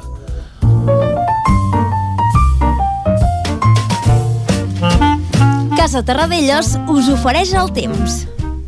El dia s'ha aixecat eh, mogut, en Pep Acosta ens explica ara quina és la situació pel dia d'avui, què és el que podrem preveure pels propers dies. Bon dia de nou, Pep. Hola, molt bon dia. Què tal? Aquest front en poques hores serà història. A, veure. a la tarda ja n'hi han sortint clarianes, cada vegada més, farà sol i atenció, atenció, com deia, amb el vent. A partir d'ara començarà a entrar. I jo crec que fins a mitja tarda fins a mitja tarda vespre serà fort. Uh, sobretot el prelitoral eh? atenció a les poblacions del prelitoral que pot, buf pot bufar amb ventades de 50, 60, 70 km per hora. Serà molest, durarà bastantes hores. Uh, atenció perquè en algun lloc hi pot haver una conseqüència uh, una mica important el vent, eh? el vent serà avui l'element més destacable. També les temperatures seran per sobre els 15 graus a moltes zones del prelitoral. A la resta, entre, el 10, entre els 10 i els 15 graus de temperatura màxima. Pel que fa demà, avui ha quedat clar, eh? Avui ens, ens creu uh -huh. aquest petit front que provocarà vent, sobretot, eh? Vull que quedi molt clar això, que quedarà, farà molt de vent. A partir de demà, demà aquest front ja serà història, al matí farà sol i a la tarda ens torna a crear un petit front. Ja vaig dir que ara ha canviat el temps, hi ha un canvi de terç i que els fronts són atlàntics, els vents són atlàntics. Uh, demà a la tarda el front també és molt desgastat, molt poca incidència, molts núvols i molt poca precipitació i en aquest cas el vent sí que serà molt menys destacable demà. Les temperatures màximes molt semblants, per sobre dels 10 graus a la majoria de llocs i les mínimes entre els 5 i els 10, és a dir, poc contrast tèrmic entre el dia i la nit i també unes temperatures molt suaus per l'època de l'any. I diumenge serà el dia més tranquil, més assolellat i amb unes temperatures altes molt semblants, mm -hmm. també entre els 10 i els 15 graus la majoria, i unes temperatures baixes una mica més baixes. Una mica més baixes, perdó. Baixarem ja dels 10 graus a totes o gairebé totes les poblacions de les nostres comarques. Molt bon cap de setmana a tothom. Adeu. Moltes gràcies, Pep. De moment, doncs, no caldrà que ens abriguem eh, gaire en aquesta jornada que ja ha registrat eh, pluges doncs, considerables en alguns punts, com a Sant Pau de Segúries, que hi han caigut, caigut 8 litres, a Núria i a Caralps 7, 6 litres a Camprodon, 5 a Ulldeter i a Molló, anem baixant cap a Alpens, Sant Martí Sescors, Sora, Vidrà o Mollà, on han caigut 4 litres, 3 a Manlleu, a l'Esquirol o a Sant Pere de Torelló, com a registres més destacables i destacar també el vent, perquè a part doncs, d'aquests eh, 102 eh, km hora de velocitat màxima que ha arribat el vent a Ulldeter, en altres punts on això no és tan habitual, doncs també déu nhi les ventades, per exemple, una màxima de 85 km hora a Centelles, 70 a Collsospina, a Tona i a Viladrau, 60 a Malla, 67 a Olost o 62 a un altre punt elevat com és Bellmunt. I pel que fa a les temperatures, com que aquesta setmana doncs, hem anat eh, penjant l'etiqueta de que Sant Sadurní d'Usurmort és el poble on hi feia més fred, doncs ara ja no és així, perquè avui a Sant Sadurní s'han llevat amb una mínima de 9 graus i allà on ha fet més fred ha set, a part, evidentment, de l'alta muntanya, els punts més alts del Ripollès, doncs el poble on hi ha fet més fred ha set Sant Quirze de Besora amb un grau i mig de temperatura en aquesta matinada d'aquest 22 de gener. Després d'haver repassat el temps, nosaltres anem cap a l'entrevista. Casa Tarradellas us ha ofert aquest espai. Territori 17. Envia'ns les teves notes de veu per WhatsApp al 646 079 023. 646 079 023. WhatsApp Territori 17.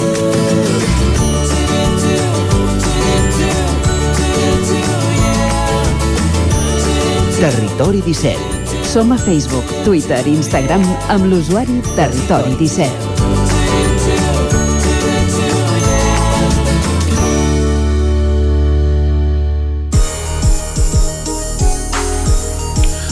Ara mateix passa un minut d'un quart d'onze. L'Escola Municipal de Música de Manlleu celebra el seu 40è aniversari.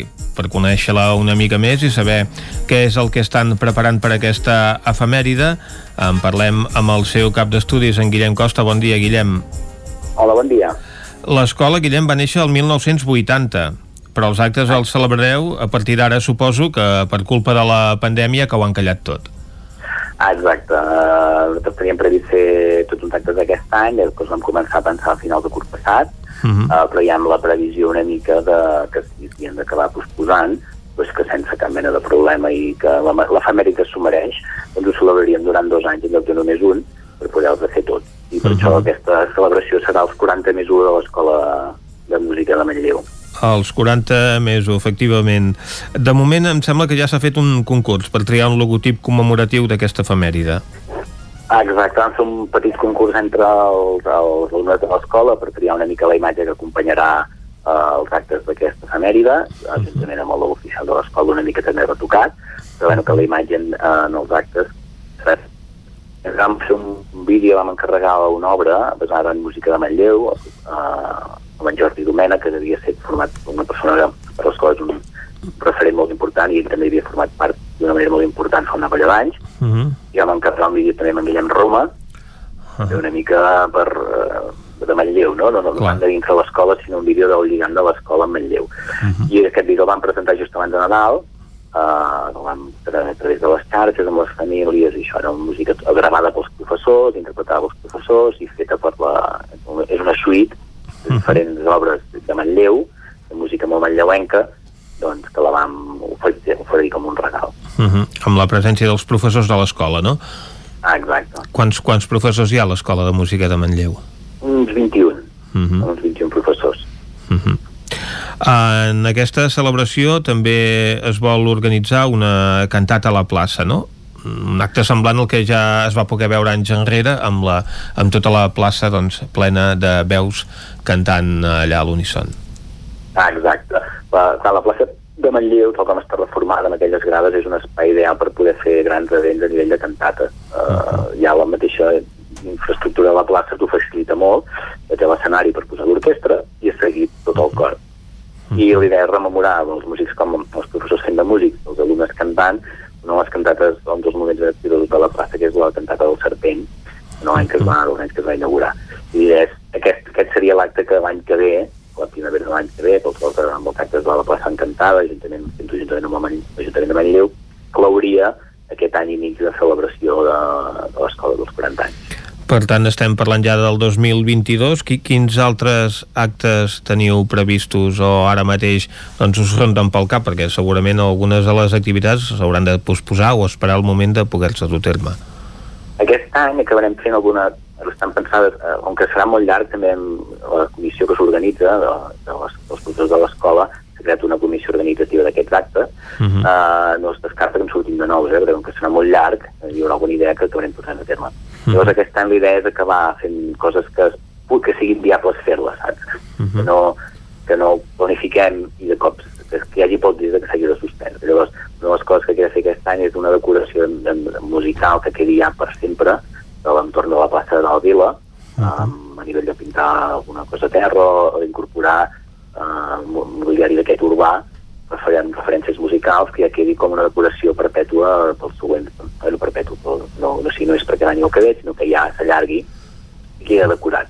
Uh -huh. uh, ens guardem una zona mànica per fer un concert a final de curs a l'aire lliure, però aquest serà un concert que s'ha organitzat amb un dos dies d'antelació, però no? una poca infraestructura, però una mica per poder fer uh, un concert just abans d'acabar. Creiem que amb l'aire lliure encara el maig, juny ja es podrà fer i això ens ho reservem.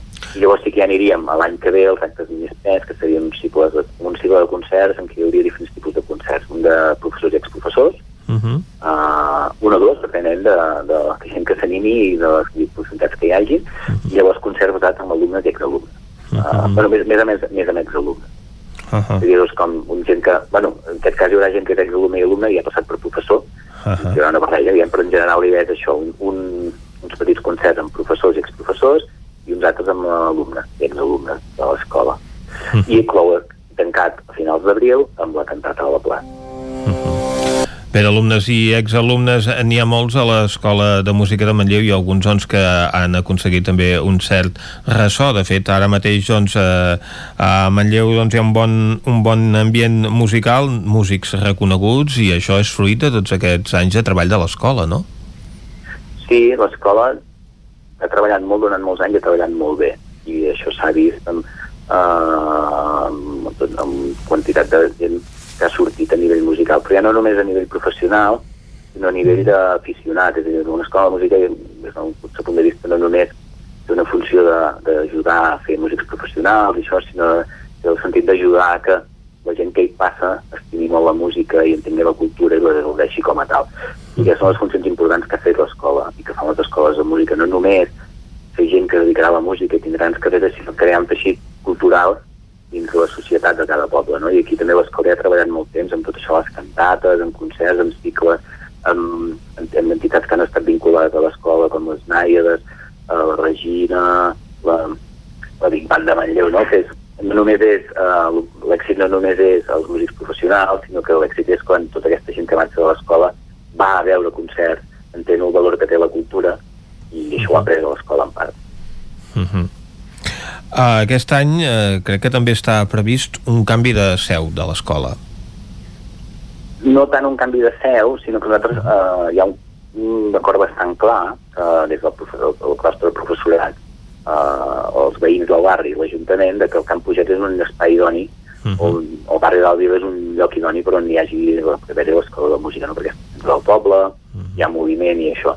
L'únic que les nostres instal·lacions són molt velles i s'han d'anar renovant. I uh -huh. aquest és un primer pas cap a la, la renovació total, però de moment, en principi, si tenim entès nosaltres, és que l'any que ve segurament podríem gaudir d'unes instal·lacions a la segona planta de Camp Puget, nosaltres ocupem la primera, la planta baixa i la primera, Uh -huh. i podríem començar a ocupar la segona ja com espai ja definitivament arreglat Uh -huh. esperant el, el projecte final que és reformar tota la planta baixa i la primera Va, per nosaltres és una, bo- és una gran manera d'acabar el- aquests 40 anys, no? començar ja a visualitzar una cosa que hem vist sempre molt lluny, que és tenir un espai adequat per l'ensenyament i per la mobilitat dels nens, és que en el fons és un, és un espai que ha de ser segur, Uh -huh. uh, per nosaltres ens fa molta il·lusió. I estem molt agraïts que l'Ajuntament aposti per l'escola, que ho hem fet sempre.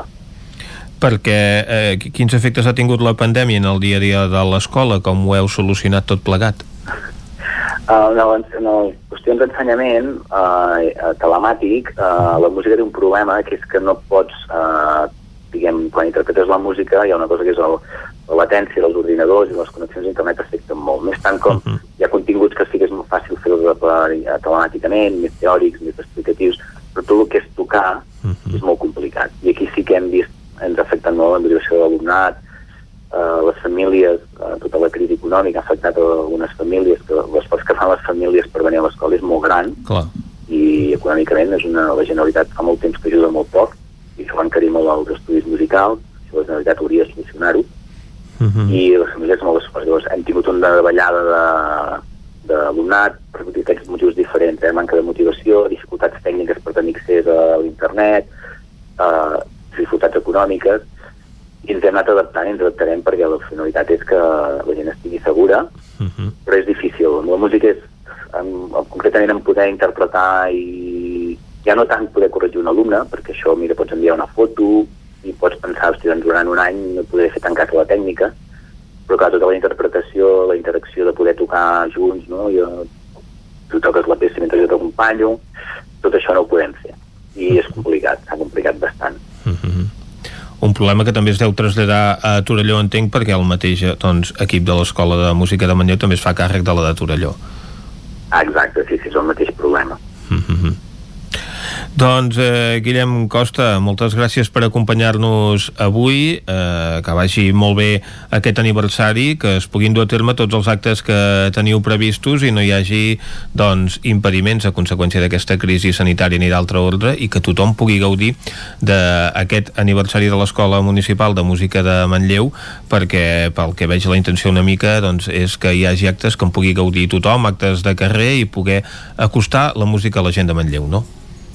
Ah, exacte, moltes gràcies a vosaltres per convidar-nos i poder-nos explicar. Eh, gràcies pel suport que ens doneu sempre que ens volem difondre les nostres activitats i esperem que així sigui. Podem fer per tots i per tothom.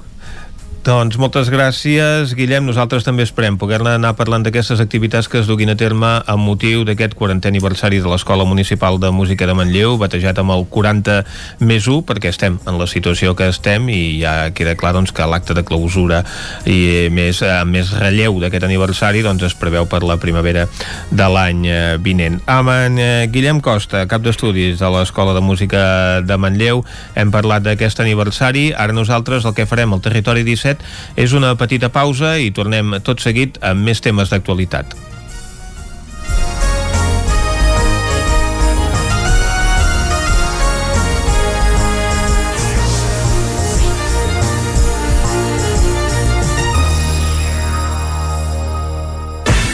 El nou FM, la ràdio de casa, al 92.8.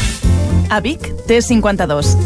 Solucions personalitzades. Dissenyem i produïm màscares personalitzades per a empreses, clubs o col·lectius a partir de 10 unitats. Disposem de dissenys propis per a particulars. Aconsegueix fins a un 30% de descompte. T52. Ens trobareu al centre, al carrer 941 i també a l'Horta Vermella, al carrer Menéndez Pelayo 31. Més informació a t52.cat. El nou FM. El nou FM. Cobertes serveis funeraris. Els nostres tanatoris estan ubicats en els nuclis urbans més poblats de la comarca d'Osona per oferir un millor servei. Tanatori de Vic, Tanatori de Manlleu, Tanatori de Centelles i Tanatori de Roda de Ter. Sabem que són moments difícils i per això el nostre compromís és atendre-us en tot moment amb un tracte humà, sensible i respectuós. Cobertes serveis funeraris. Telèfon 24 hores 93 883 23 46. Anuncia't al 9FM. La màquina de casa. 9 3 8 8 9 4 9 4 9. Publicitat arroba al 9FM.cat. Anuncia't al 9FM. La publicitat més eficaç. Òptica Visual Opti3. Regala qui estimis, visió, salut, protecció, prevenció i moda. Per tu, regala't una revisió visual completa. Visual Opti3, la teva òptica. Ens trobaràs a Facebook, Instagram, visualopti3.com i a la plaça Major 39 de Vic. La Fogonera, resistència gastronòmica. És un restaurant? És un rostidor? És La Fogonera, la cuina en directe des de GURB, on encarregues, ho vens a buscar i ara també t'ho portem a casa. La Fogonera, resistència gastronòmica. Ara, amb la fogonera de dia, amb aperitius, arrossos, segons plats i postres. I quan cau la nit, ens transformem en un popurri culinari. Búrguers, pizza, pasta... Truca al 93 851 55 75 o entra a lafogonera.cat. La Fogonera, el teu aliat gastronòmic. Només pensar en passar aquesta nit sense calefacció amb aquest fred? No es preocupi, hem analitzat a fons la caldera i de seguida quedarà reparada i en funcionament. Quan tingui un problema amb la seva caldera, vagi directament a la solució. Truqui sempre al Servei Tècnic Oficial de Saunier Duval i despreocupis, perquè som fabricants i coneixem les nostres calderes peça a peça. Informis a Oficiat Nord trucant al 938860040. Saunier Duval, sempre al seu costat. El nou FM, el nou FM, el nou FM, el nou FM. Ara mateix són dos quarts onze, és el moment de fer un repàs a l'actualitat digital que ens fa sempre l'Isaac Moreno. Bon dia, Isaac. Bon dia, Vicent. Què has trobat avui per Twitter? Coses diverses, com per exemple una piolada de l'Agustí Danés, diu, quan la política queda atrapada tan sovint a la tranyina de la justícia, senyora, allò que més val un mal acord que un bon plet. Sona que rincló, però hauria de ser vigent, diu.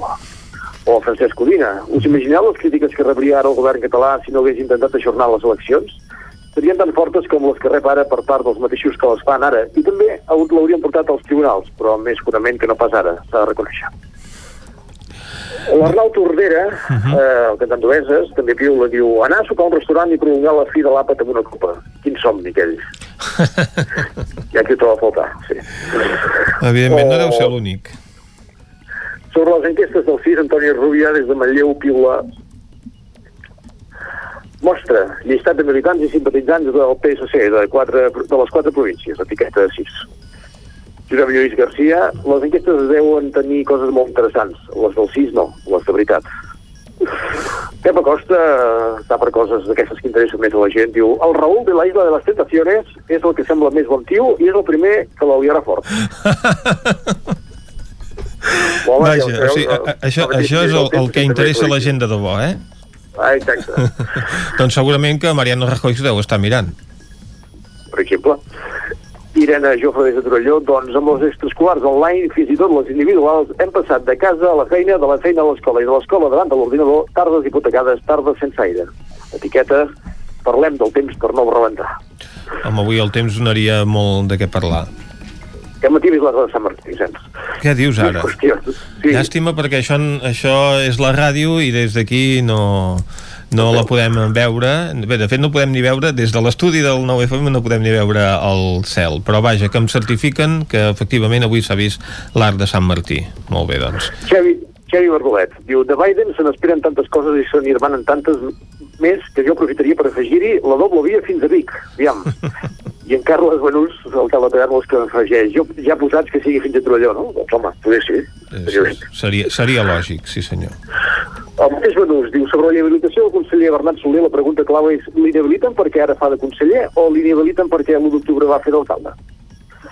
Anem acabant, el futbolista manlleuenc Jordi Almatell. Diu, s'ha acabat la meva etapa a la Unió Esportiva Vilassar de Mar. Estic molt agraït a tota la gent del club. Que tingueu molta sort. I acte seguit feia una pilada que deia també dir que sóc nou jugador de l'Horta, nous reptes i il·lusions renovades, etiqueta de cas. Doncs ens n'alegrem que no deixi el futbol i que li vagi molt bé en aquesta nova etapa. I que ni en un lloc ni a l'altre ara mateix de poder jugar, oi? No, efectivament. Ah. I acabem amb Lima Puigcorbé des de les Lloses, pagesa, diu, avui faig un pensament per tots aquells pagesos que anem a repartir productes sota la pluja i fred, mentre altres ben calentets un despatx ens assenyalen amb el dit per ser ramaders. En aquests dies s'haurien de posar les nostres sabates. Doncs sí senyor, reivindicant la vida a pagès, que des d'aquí no només respectem, sinó que també en el team i ara el que farem, si et sembla, és repassar què treuen les portades del 99.cat. L'Una i el Ripollès, el govern prorroga dues setmanes més totes les restriccions vigents. Unió de Pagesos demana canvis al decret de fertilització del LARP. El TCJ manté la suspensió cautelar del decret que ajorna el 14F i es pronunciarà definitivament abans del 8 de febrer i també podem trobar-hi el dossier d'empreses tercera part dedicat al sector agroalimentari. Al Vallès Oriental, els Mossos intervenen en un bar de Granollers amb activitat de matinada. També els hospitals ballesans augmenten en 25 persones els ingressos per la Covid-19 en una setmana i el vídeo de la matí homenatge de Parets a Sergi Mingotet. Doncs moltes gràcies, Isaac, per aquest repàs. Gràcies, bon dia, bon cap de setmana. Nosaltres ara tanquem aquest apartat del nostre programa i anem cap a la taula de redacció.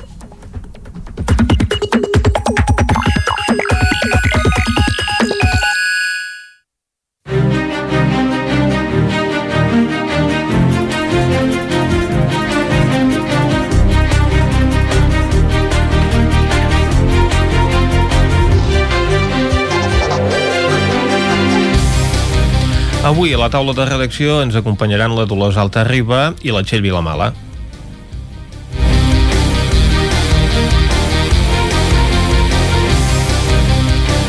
Amb la Dolors Altarriba analitzarem en primer lloc aquesta notícia que avui obre la portada del 9-9, que és aquesta reducció de plantilla a Girbau a conseqüència de la caiguda de la demanda, Dolors.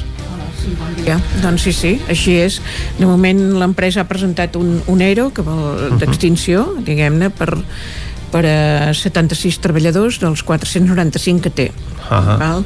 Eh, Una no, part no important quatre... de la plantilla, per tant. Sí, no tots 495 són, a, estan, a, estan aquí a Vic, diguem-ne, però, uh -huh. però bé, eh, sí que en fi, presenta aquest ERO una, eh, perquè creu que que no té cap altra solució ja que considera que ha baixat eh, la facturació uh -huh. de forma important aquest 2020 a causa de la, de la Covid ells eh, fan, com se sap, eh, rentadores i, i assecadores i centres de planxat industrials. Ah, Tenen... Tanquen no, molts dels establiments que són els seus clients. Clar, els hotels, els hotels sobretot, uh -huh. tot el sector hoteleria i turisme, que ells estan a tot el món, diguem-ne, sí. doncs, esclar, tot aquest sector està està ara mateix tancat i ho uh -huh. ha estat durant pràcticament tots els mesos del 2020 uh. llavors eh, aquesta és la part important, més important el tant per cent més important dels, de la seva clientela uh -huh. mentre que hi ha una altra part que són els hospitals que aquests eh, continuen igual i continua havent-hi, però també amb, amb, amb restriccions, perquè evidentment la, la part sanitària eh, ha set, eh, acabat ser, eh, acaba sent més important per les inversions que es puguin fer en un hospital que no pas la, la de bugaderia, no?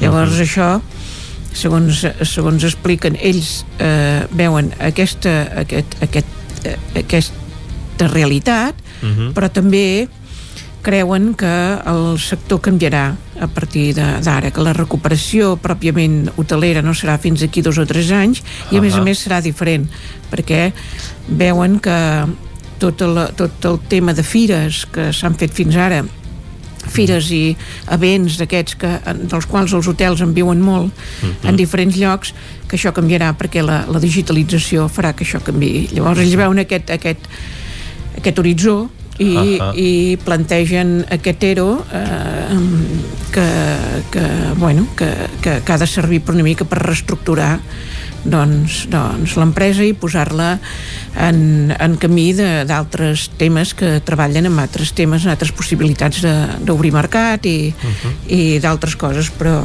això és el que diu l'empresa. En canvi, per part del comitè, creuen que, que no té sentit, que hi ha, hi ha d'haver altres solucions abans de fer un, una extinció de contractes eh, ells diuen que s'han fet fins ara és veritat, el 2020 s'han fet dos ERTOs Uh -huh. un per causa de força major i l'altre eh, per qüestions eh, eh, tècniques o econòmiques, diguem-ne, i s'han fet, a, a, a, tots els treballadors han estat en ERTO fins ara, fins ara final d'any, o fins ara que l'han que l'han aixecat per fer aquest ERO.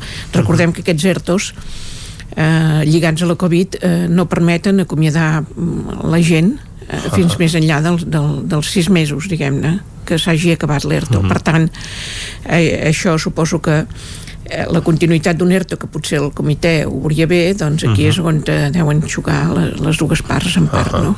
Per tant, bueno, s'haurà de veure una mica, veure cap a on, cap a on va ara, hi ha, hi ha un mes per negociar i, i veure si, si el comitè, doncs, com vol eh, evitar aquest ERTO i buscar altres solucions. També es queixen de que porten dos anys amb el, amb el conveni aturat, que no han avançat, que tampoc hi ha hagut augments salarials aquests últims dos anys i que en canvi l'empresa doncs, sí que, que va guanyar diners, de fet fins al 2019 sí. I, i per tant eh, s'haurà de veure però és, és, de fet és el primer era important que, que es produeix aquí a Osona després de, o a causa de, de la Covid-19 suposo que això s'haurà d'anar veient és aquella poca eh, que, que ja s'anava dient no? que s'anava que es vagi que, que desencadenant doncs, no eh, fos cas que, exacte, que similars. passés amb, amb, amb altres llocs i, i en fi, ja ha passat amb una empresa que, que evidentment anava, havia superat la crisi de fa 10 anys absolutament de Mhm. forma gairebé perfecta i, i, i amb un augment de facturació molt important després d'aquella després d'aquella crisi no? i amb canvis també estratègics de, de funcionament però eh, aquest, aquest tema de la Covid que, que com veiem de moment encara no, no es veu tampoc la, la llum per, per aquesta sortida econòmica doncs els ha afectat, els ha afectat de ple. I bàsicament és perquè l'empresa doncs, planteja ja no tant un futur més negre per la pròpia empresa, sinó pels sectors que són els seus clients. Sí, sí, sí veu, veu un canvi eh, ells veuen un canvi des del comitè diuen que, que no, que això és conjuntural i que es tornarà eh, a refer tot, però uh -huh. ells veuen un canvi en aquest, en, en aquest sector que vol dir que, que de forma, encara que es recuperi, per dir-ho d'alguna manera, mm, hi haurà una recuperació serà una recuperació diferent perquè ja no hi haurà potser tanta tant, tanta El- el organització de de, fires i de béns que fa que molts hotels eh, omplin i que per tant aquests hotels també es, veuran allò eh, més empetitits Ahà, no? aquí d'alguna manera això és el que ells preveuen Molt bé, doncs gràcies eh, Dolors per apuntar-nos aquesta notícia que obre avui la portada del 9-9, aquest expedient de regulació d'ocupació a Girbau a conseqüència de la Covid i ara nosaltres anem a parlar de la Covid i de quina és la situació a la comarca d'Osona amb la Txell Vilamala. Bon dia, Txell. Bon dia, Vicenç. Doncs explica'ns una mica ara mateix els paràmetres epidemiològics a la comarca d'Osona com estan.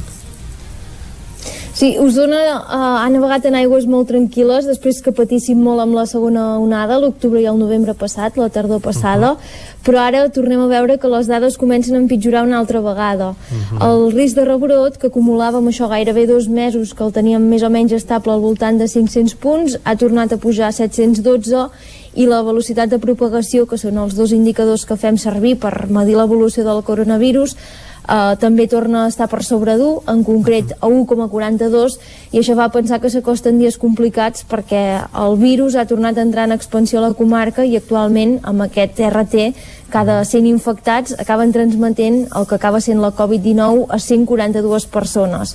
No hi ha cap dubte que els indicadors han tornat a empitjorar, això ja s'ha notat per exemple a les escoles i instituts, segons dades d'ahir al vespre molt tard del Departament d'Educació, ara mateix hi ha 73 grups confinats, són eh, gairebé 30 més que els que vam començar la setmana, aquesta setmana dilluns n'eren 42, ara estem a 73 i amb números molt alts, sobretot a Vic on hi ha 20, a Manlleu que en tenim 15, a Torelló que n'hi ha 9 i per exemple també destaca Ceba que tot i ser un poble relativament petit ara mateix té 6 grups eh, confinats Carai. a més a més, durant aquesta última setmana també s'han multiplicat les defuncions als hospitals de la comarca.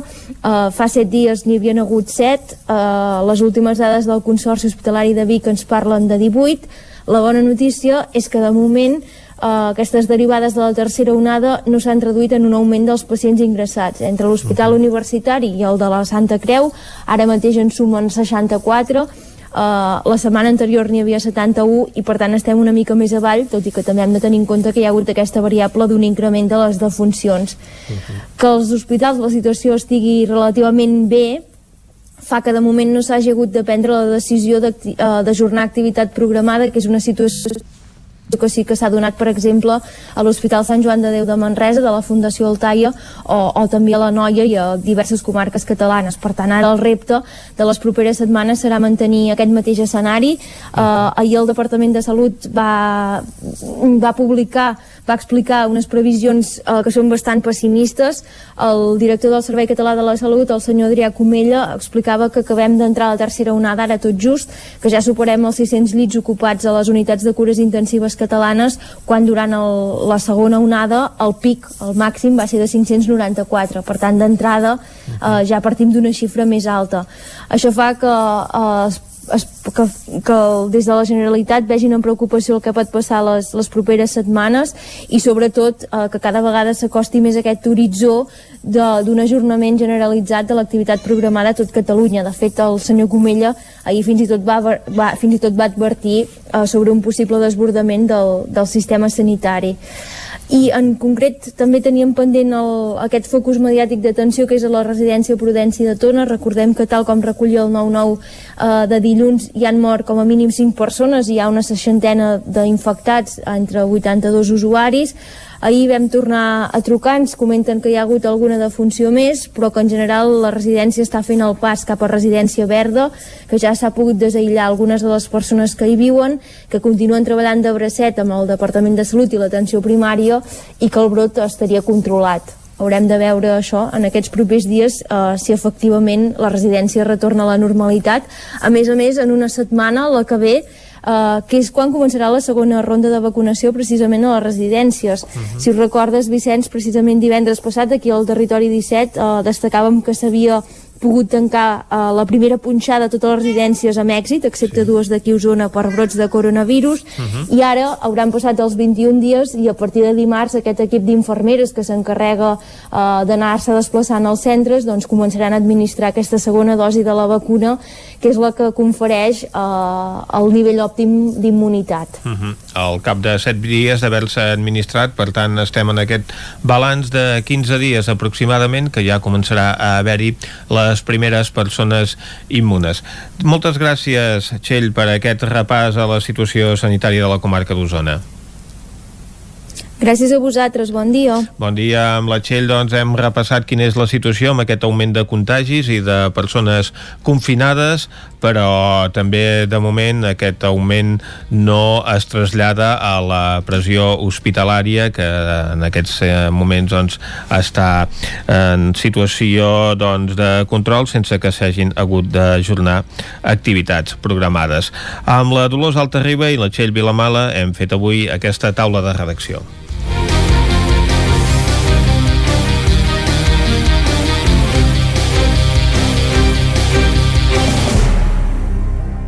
Territori 17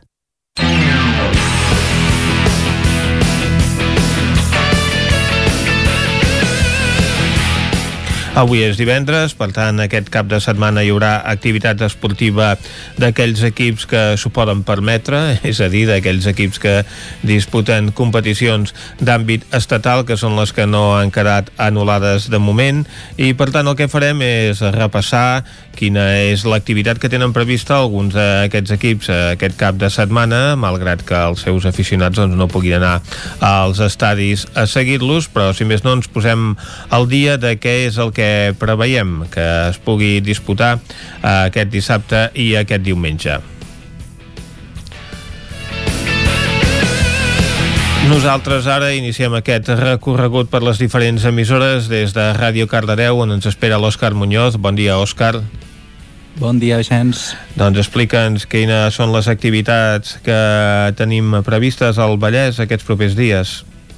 Doncs primer de tot us us portem el partit de les noies del CAC 7, que van jugar dimecres, que jugaven a casa contra el Rocacasa Gran Canària, un duel molt important a la Lliga, ja que jugaven les primeres contra les segones, i així ho vam poder veure on van arribar empatades a l'última jugada del partit, a falta de 12 segons, les, les granollers van fer el gol per avançar al marcador, però a falta una falta de concentració de les locals va fer que el Gran Canària empatés a l'últim segon des del mig del camp.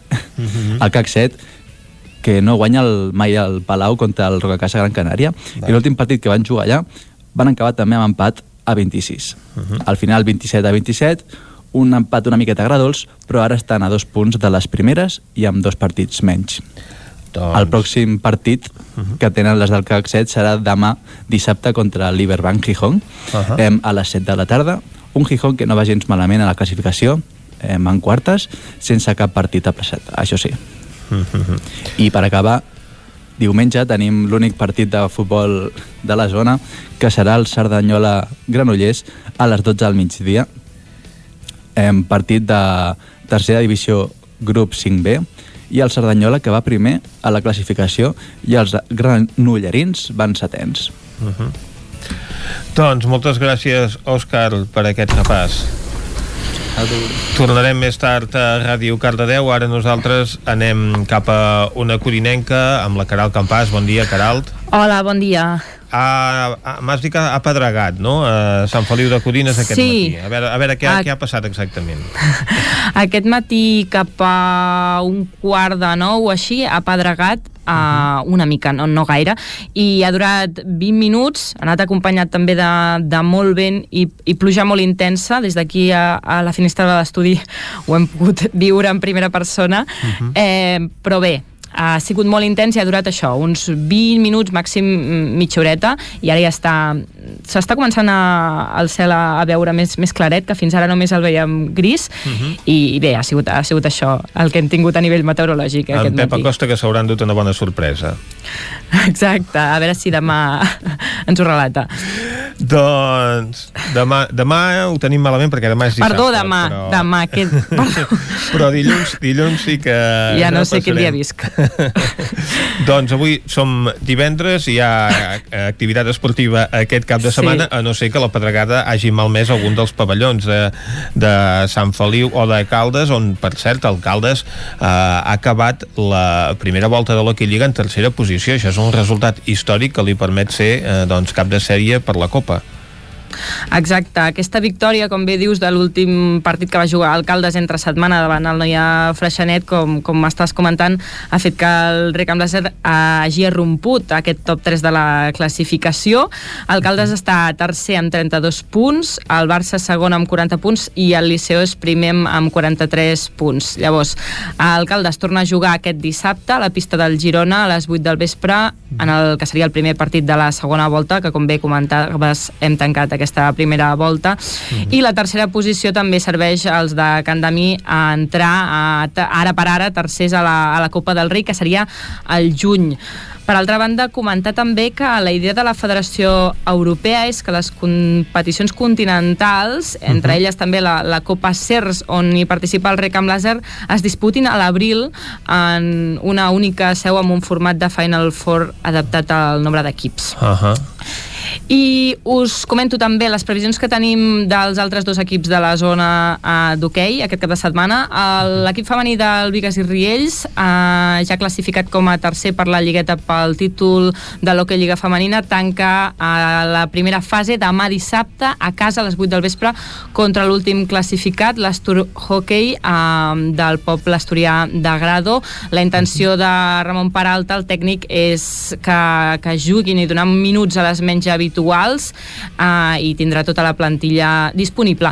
I acabo um, comentant um, la segona, a la segona divisió que tenim al Sant Feliu de Codines, doncs s'enfronta a l'Alcobendes demà a les 5 de la tarda en un partit corresponent a la dotzena jornada, un Sant Feliu que està al número 7 de la classificació amb 11 punts, una classificació de segona divisió que encapçala el pas al coll amb 28 punts. Molt bé, doncs el eh, Sant Feliu de Codines que si vol passar de l'Hockey Lliga Plata a l'Hockey Lliga haurà Mhm. d'espavilar. Exacte, sí. Doncs moltes gràcies, A. Caralt. Esperem que així sigui, que el Sant Feliu de Codines doncs, pugui remuntar en aquesta segona part de la Lliga i tornar amb una categoria doncs, on ja hi havia militat. Ara nosaltres el que fem és anar a la veu de Sant Joan, on ens espera l'Isaac Muntades. Bon dia, Isaac. Bon dia, Vicenç. Com està la situació al Ripollès? Doncs mira, tenim una bona notícia esportivament parlant perquè, eh, eh, si us recordeu, el passat 9 de desembre eh, l'organització dels Bastions, una de les eh, dos grans ultratrails que teníem aquí al Ripollès juntament amb la Imona, que ja sabeu que, que fa uns anys que no es fa aquí a Sant Joan, doncs uh -huh. la, la Bastions va anunciar que que se suspenia i que, sí. que no, no es faria l'edició del 2021, uh -huh. que desapareixia definitivament i la decisió no ha durat ni, ni dos mesos per sort perquè la, la cursa reprendrà aquest 2021 van anunciar que al final s'havia trobat doncs, uh, un patrocinador per poder-la fer que, que hi estava tot al darrere, un organitzador uh -huh. i, i tindrà tres recorreguts i de fet les inscripcions ja, ja estan obertes. Uh, per tant tothom que vulgui s'hi pot apuntar evidentment hi ha aquesta incertesa de, de què passarà. La cursa eh, estem parlant doncs, que encara queden dies per fer-se perquè serà el 5 de juny vull dir, hi ha, hi ha marge però clar, uh -huh. ja veurem què es pot fer però hi ha tres recorreguts, el de 71 quilòmetres amb, més de, amb gairebé 5.000 metres de desnivell positiu, un de 51, que en té gairebé 3.000, uh -huh. i també eh, un de 21 quilòmetres, una mitja eh, marató. I, I bé, com a, com a destacar, doncs, evidentment, els bastions ja sabeu que recorre tot el que seria una mica la, la vall de, de Núria i la vall de Ribes, passa per el, per el Puigmal, pel Pic de l'Eina, el Nou Fons, Nou Creus, també uh, el Balandrau i, i l'alçada mitjana de la prova és uh, dura, eh, perquè són més de 2.000 metres I tant. i, um, i amb el pic del Puigmal com, com bé saps Vicenç, que és la muntanya més alta d'aquí de, de la comarca, s'arriba fins i tot gairebé a 3.000, eh, Exacte. 2.910 metres Si t'enfiles sí. sobre la creu i estires la mà, quasi bé, quasi bé arribes als 3.000 metres. Exacte, exacte. Si ets, si ets en Pau Gasol, potser fins i tot pots, pots, arri pots arribar-hi. Però, però bé, és, és, una molt, és una molt bona notícia, sens dubte, que, que no, no ens esperàvem, perquè aquest any que tot sembla que se suspengui, doncs una cursa que s'havia anunciat la seva suspensió, doncs al final tira endavant. I, i no ens movem de la Vall de Ribes perquè us vull parlar de, de la Núria Pau que potser és de les poques persones de la comarca que, que està competint sobretot perquè estem a l'època d'hivern i evidentment doncs, ella que és esquiadora doncs eh, és, és l'època en, què, en què competeix eh, en aquest cas males notícies perquè la, la Núria no va poder passar de la primera mànega a la Copa del Món d'esquí alpí que es va fer a, a Cranja Gora uh -huh. uh, a Eslovènia en aquest cas i, i bé, va sort, es va sortir de, del recorregut en, en la primera baixada i, i no, no va aconseguir passar eh, el tall per, per poder disputar doncs, la, la mànega definitiva però, però bé, està en unes condicions complicades la, la pista i segur que, que la pròxima ho podrà aconseguir uh -huh. eh, per acabar dir-vos que no, no diré massa de les pistes d'esquí però avui sí que eh, toca dir que la vall de Núria està tancada pel torb vull dir uh -huh. que eh, fa una mica de, de mal temps eh, aquí a la comarca, ha plogut una mica aquest matí ara realment des d'aquí l'estudi no us sabria dir si està ploguent o no el cel està tapat, no, no, no hi ha tempestes però no, no fa un dia gaire gaire maco aquí a la comarca, però bé, eh, ja veieu que almenys algunes novetats positives, almenys amb això dels bastions, sí que us hem pogut donar aquesta setmana. I tant que sí, esperem doncs, que el mes de juny la situació hagi millorat i es pugui disputar aquesta prova amb una respectiva normalitat, ara que ja doncs, els organitzadors eh, s'han decidit a recuperar-la. Moltes gràcies. Isaac. A vosaltres. a vosaltres. Doncs ara nosaltres anem a repassar l'actualitat esportiva de la comarca d'Osona. Ho fem amb l'Ester Rovira. Bon dia, Ester. Bon dia. Bé, ja hem dit, eh, hem comentat amb la Caral Campàs no, que havia acabat aquesta primera volta de l'Hockey Lliga amb el Pativic doncs, que eh, almenys no ha acabat aquesta primera volta en última posició i amb el Taradell que tenia aquella esperança de poder-se classificar per primera vegada de la Copa del Rei al final doncs no ha estat així però sí el Voltregà Sí, exacte.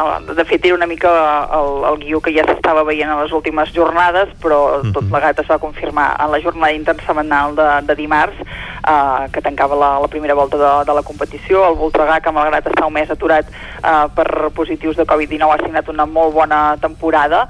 Uh, en què ha aconseguit uh, 6 uh, victòries i, i 3 uh, empats que l'han situat en sisena posició amb 21 punts. Uh, encara s'han de confirmar les altres dues places de la Copa de, del Rei uh, perquè hi ha equips que encara tenen uh, un, un partit uh, pendent, uh, però bé, el, el Taradell ja abans d'aquesta última jornada que era la pista del Palafrugell ho tenia molt complicat, de fet virtualment estava fora ja perquè havia de guanyar per més de 30 gols de, de diferència.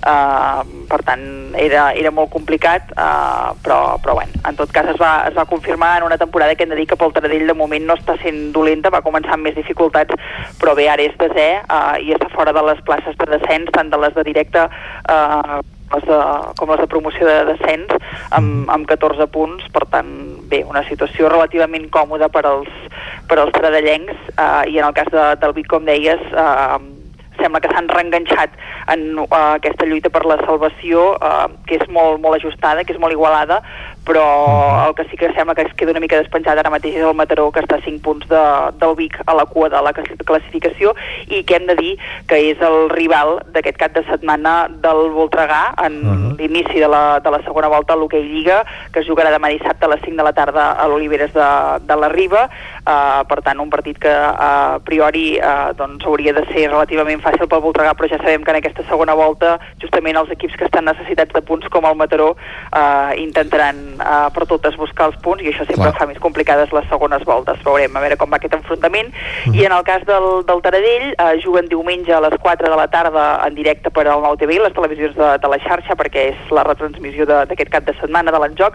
Uh, visiten el, el Lloret, um, que en aquest cas uh, doncs és un, un rival en aquesta part uh, per sortir de, de la zona de, de descens, el Lloret és 13 amb 12 punts i com deia el Taradell és 10 amb 14, per tant dos més, uh, partit interessant de veure uh, aquest amb, tenint, mm -hmm. tenint en compte també que el, el Lloret eh, ve de guanyar l'Igualada dimarts eh, eh, en la jornada intersetmanal, per tant serà interessant de veure també aquest enfrontament.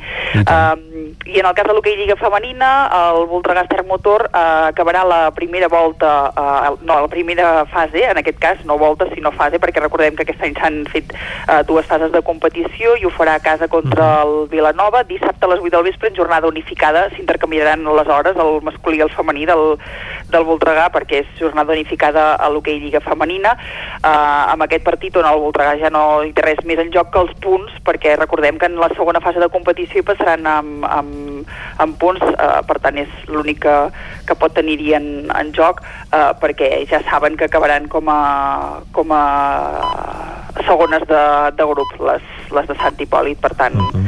eh, partit poc, poc eh, important en aquest aspecte. I dir que no jugaran eh, ni el Pativic ni el Manlleu Màgic Estudio eh, els seus enfrontaments d'aquest cap de setmana per positius de Covid-19 dels seus rivals eh, que eren el Calafell en el cas del Vic i que eren el Telecable Gijón en el cas del Manlleu Màgic Estudio.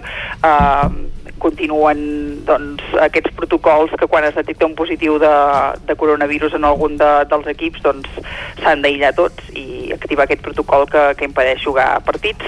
Uh, i qui sí que jugarà uh, d'entrada si no hi ha novetats és a l'hoquei Lliga Plata el Manlleu embotit Solà que visita el Sant Just dissabte a les 8 del vespre i en aquest cas eh, és un, un partit que pot ser interessant des del punt de vista que són dos equips de, de, la, de la part alta de la, de la classificació. Recordem que el Manlleu es va proclamar campió d'hivern eh, tancant aquesta primera volta i ara comença la, la segona enfrontant-se al tercer classificat amb 3 punts menys que els, que els manlleuencs i un equip al Sant Just eh, doncs que, que en Ferran Pujalte sempre, sempre crida l'atenció, veurem com, com Tenen un bon entrenador, efectivament. Sí. I, I d'aquí acabem... aquests resultats.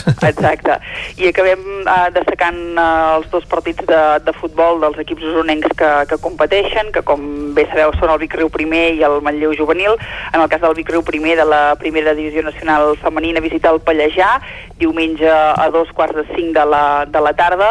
Um, en aquest cas uh, estem parlant d'un equip de la, de la part baixa, 13è classificat, amb 8 punts, eh, amb 7, perdó, eh, mentre que les eh, biguetanes recordem que són cinquenes amb 21, eh, per tant, una bona ocasió per, per continuar eh, mantenint-se en aquesta part alta de la, de la classificació i en el cas del Matlleu Juvenil visiten l'Espanyol B, en aquest cas eh, un enfrontament de la part baixa de la classificació intentant, eh, doncs, com sigui, eh, intentar mantenir la, la categoria, que és l'objectiu que tenen aquesta temporada els manlleuencs.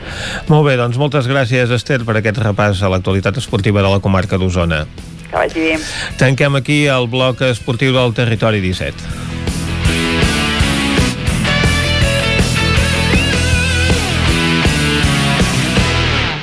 I ara, quan són les 11 i gairebé dos minuts i mig del matí, farem un repàs a l'actualitat d'informació general de les comarques d'Osona, el Ripollès, el Moianès i el Vallès Oriental. Territori 17, amb Vicenç Vigues i Jordi Sunyer.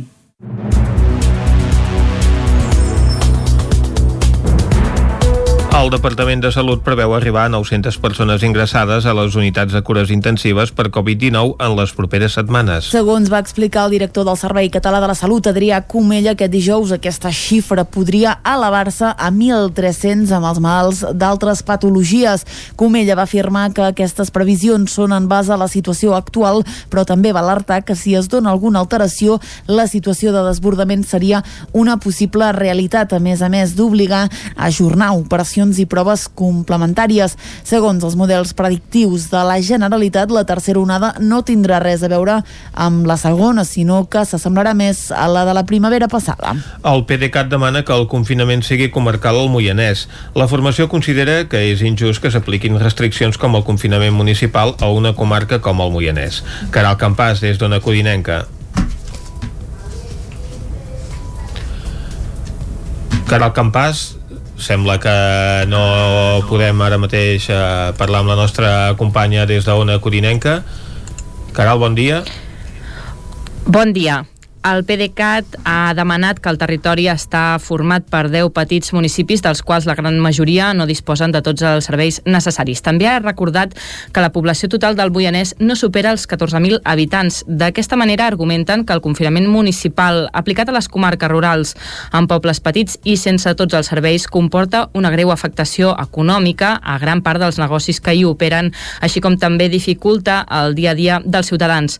La formació política també creu que el confinament municipal requereix d'una capacitat de vigilància i control del compliment de les mesures que sobre el terreny són inassolibles. De fet, denuncien la manca d'efectius de que disposen el cos de Mossos d'Esquadra, la policia local i els vigilants municipals. Amb tot plegat, el PDeCAT del Moianès demana al govern de la Generalitat que l'aplicació general del confinament municipal passi a ser comarcal al Moianès. La voluntat d'aquesta població, d'aquesta petició, perdó, és, segons el partit, respondre a la realitat demogràfica, social i econòmica dels 10 pobles de la comarca. Reforçaran els controls d'accés al Montseny per fer complir el confinament municipal amb guàrdies dels parcs, Mossos d'Esquadra i agents rurals. David Auladell, de Ràdio Televisió, Cardedeu. Més vigilància i controls d'accés als parcs naturals per fer complir el confinament municipal i evitar desplaçaments sense justificació. La mesura s'aplicarà aquest cap de setmana per evitar que es repeteixi la freqüentació de visitants del cap de setmana passat, especialment al Montseny. De fet, aquest cap de setmana les xarxes s'omplien d'imatges de veïns de Sant Celoni, Gualba o Sant Esteve de Palautordera que es queixaven dels aparcaments plens de vehicles. La Diputació de Barcelona col·laborarà amb el Departament d'Interior per fer aquest reforç de controls al conjunt d'espais que conformen la xarxa de parcs naturals, especialment a indrets com el Parc Natural del Montseny i el Parc Natural de Sant Llorenç del Munt i l'Ubac, amb guardes dels parcs juntament amb els Mossos d'Esquadra i agents rurals. El Tribunal Superior de Justícia de Catalunya ha decidit mantenir la suspensió cautelar del decret que ajorna les eleccions del 14F. Els comicis, per tant, es mantenen en aquesta data de moment. El tribunal ha donat a conèixer el resultat de la seva deliberació, però farà pública la resolució amb l'argumentació previsiblement aquest divendres. La sala també ha decidit retallar els terminis de tramitació de la demanda i ha donat a les parts quatre dies en lloc de vuit per posicionar-se de forma que hi haurà sentència abans del dia 8 de febrer. Si els magistrats apuren aquest termini que s'han marcat, ja haurà passat més de mitja campanya electoral. Els recursos que es puguin interposar ara no poden aixecar les mesures cautelars preses. El tribunal ha estudiat les al·legacions presentades per la Generalitat i per la Fiscalia que avalava la suspensió i ha decidit mantenir les mesures cautelaríssimes que va estimar dimarts, situant de moment les eleccions el 14 de febrer. El Col·legi d'Advocats de Vic demana que es construeixi un Palau de la Justícia. El trasllat dels judicis penals a Manresa l'octubre del 2019 va posar de manifest la precarietat de les instal·lacions judicials de Vic. Des del Col·legi d'Advocats asseguren que reformar els edificis actuals o traslladar-los als baixos d'un edifici situat a la Ronda Camprodon que va cedir l'Ajuntament eternitzarà el problema d'espai. Per això demanen la construcció d'un Palau de Justícia. Rogeli Montoliu és el degà del Col·legi d'Advocats de Vic. Nosaltres pengem de Manresa, que aquest és un altre debat. A la comarca ens hem deixat perdre tots els centres de decisió de poder. O sigui, no ho hem defensat bé. O sigui, hi ha hagut com una falta de mm, convicció que aquesta era una comarca que podia pesar tant o més que la del Bages. Fixeu-vos que hem perdut tots els serveis, ens estem quedant sense res. La sala de procuradors, bueno, el metge forense, no acabaríem mai. Per poder donar sortida a totes aquestes necessitats no hi ha altra solució, vulguem o no vulguem, això ho hem d'acceptar, que construir un palau de justícia per dir. Des del col·legi asseguren que ara és un bon moment per promoure el Palau de Justícia a Vic, una aposta clau per evitar la provincialització de la justícia, una maniobra del Ministeri de Justícia espanyol que vol centralitzar les seus judicials a les capitals de província. Què ens passarà a nosaltres aquí a Vic? Ens passarà que si no ens espavilem, si no construïm aquest Palau de Justícia, aprofitaran la vinentesa per dir, home, com que Vic és d'una dimensió més aviat mitjana petita, com que no tenen un Palau de Justícia, com que tenen les seus judicials aquí en uns edificis absolutament obsolets, aprofitem i els posem a Barcelona. El Col·legi d'Advocats assegura que amb l'aprovació del POUM l'Ajuntament disposa de solars edificables per a equipaments públics, solars que el consistori biguetà hauria de cedir al Departament de Justícia. L'advocada de Mohamed Houli diu que no estava radicalitzat i que van obligar-lo a participar dels atemptats. Isaac Muntades, des de la veu de Sant Joan.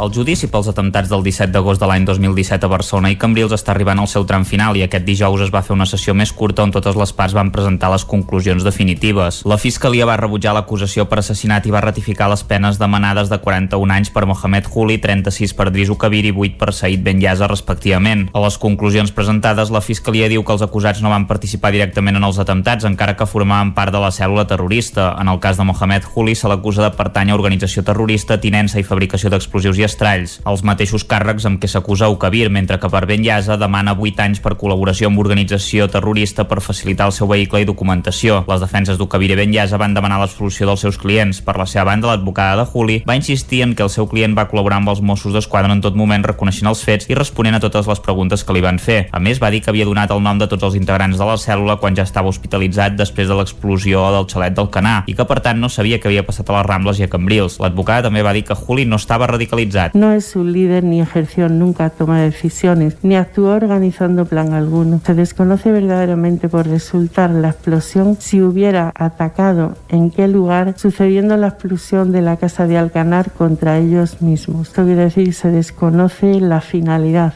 que tenía todo lo que se encontró en Alcanar. Mohamed Ouli Chemial no estaba radicalizado, no habla árabe, lengua en la que hablaba Abdelbaki Esati. Recibía instrucciones de otras personas ya radicalizadas, dominantes, y lo obligaban a cumplir sus órdenes, y sin posibilidad de abandonar el grupo ya que temía de sus planes y por ello su vida y la de su familia corría peligro. L'advocada va reconèixer que Juli havia comprat o acompanyat a comprar alguns membres de la cèl·lula materials que podien ser precursors d'explosius, però va advertir que ell no els va elaborar perquè no en sabia. El judici continuarà aquest dilluns i està previst que comenci l'exposició dels informes del Ministeri Fiscal. I fins aquí aquest repàs a l'actualitat de les comarques del Moianès, el Ripollès, Osona i el Vallès Oriental que hem fet amb Clàudia Dinarès, Caral Campàs, Isaac Muntades i David Auladell. Ara nosaltres fem de nou una ullada al temps.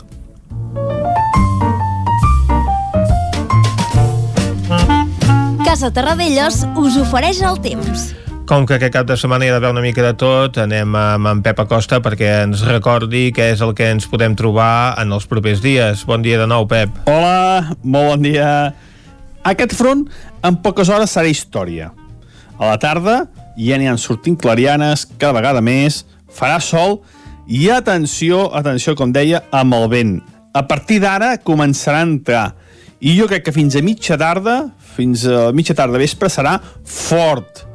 Uh, sobretot el prelitoral, eh? Atenció a les poblacions del prelitoral que pot, pot bufar amb ventades de 50, 60, 70 km per hora. Serà molest, durarà bastantes hores. Uh, atenció perquè en algun lloc hi pot haver una conseqüència uh, una mica important. El vent, eh? El vent serà avui l'element més destacable. També les temperatures seran per sobre els 15 graus a moltes zones del prelitoral a la resta entre el 10, entre els 10 i els 15 graus de temperatura màxima. Pel que fa demà, avui ha quedat clar, eh? Avui ens, ens creu aquest petit front que provocarà vent, sobretot, eh? Vull que quedi molt clar això, que quedarà, farà molt de vent. A partir de demà, demà aquest front ja serà història, al matí farà sol i a la tarda ens torna a crear un petit front. Ja vaig dir que ara ha canviat el temps, hi ha un canvi de terç, i que els fronts són atlàntics, els vents són atlàntics.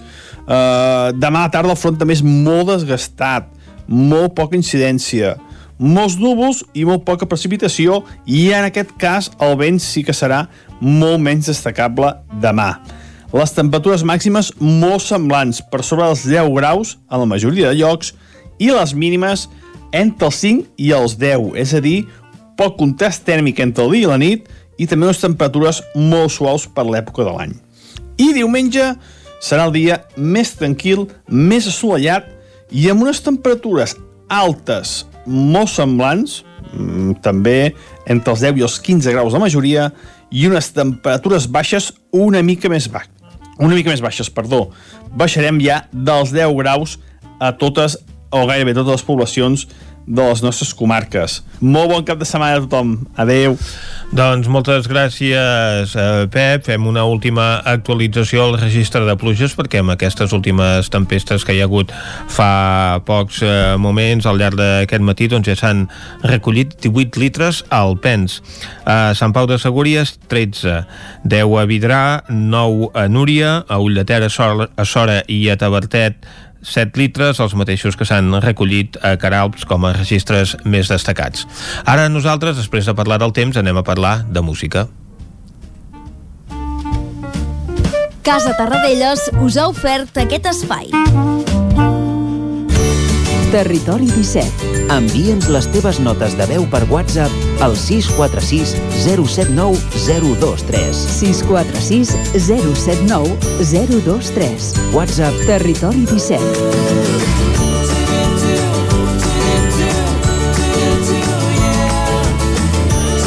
Territori 17. Som a Facebook, Twitter i Instagram amb l'usuari Territori 17.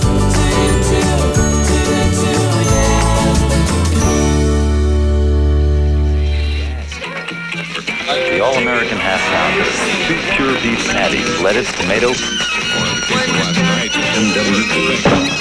This is rock and roll radio. Come on, let's rock and roll with the Ramones.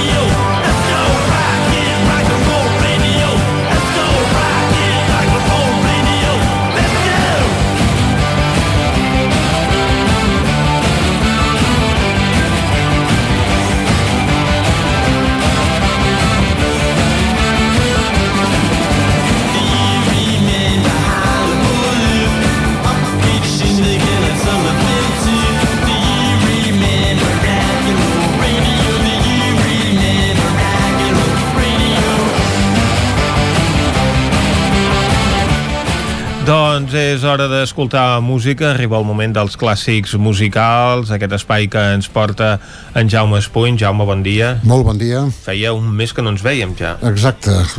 Un entrebanc de salut, però res. No, això està superat, no? Superat. Nosaltres que ens en alegrem i que ens puguis acompanyar i portar-nos música pel record. Ara mateix no sé què és el que ens has portat avui. Uh, avui és un, és un disc dels Ramones, un dels Mhm. meus grups preferits de sempre, uh, que es diu End of the Century, Cançons breus, doncs. Final de les cançons breus. Eh, és el disc de l'any 1980, és el seu sisè disc, i aprofitem eh, de portar el Ramones perquè és l'únic disc que els hi va produir eh, Phil Spector. Ahà. que va Que morir, acaba de morir. acaba de morir de coronavirus a una, a una presó de, dels Estats Units als 81 anys estava a la presó 81 anys era a la presó.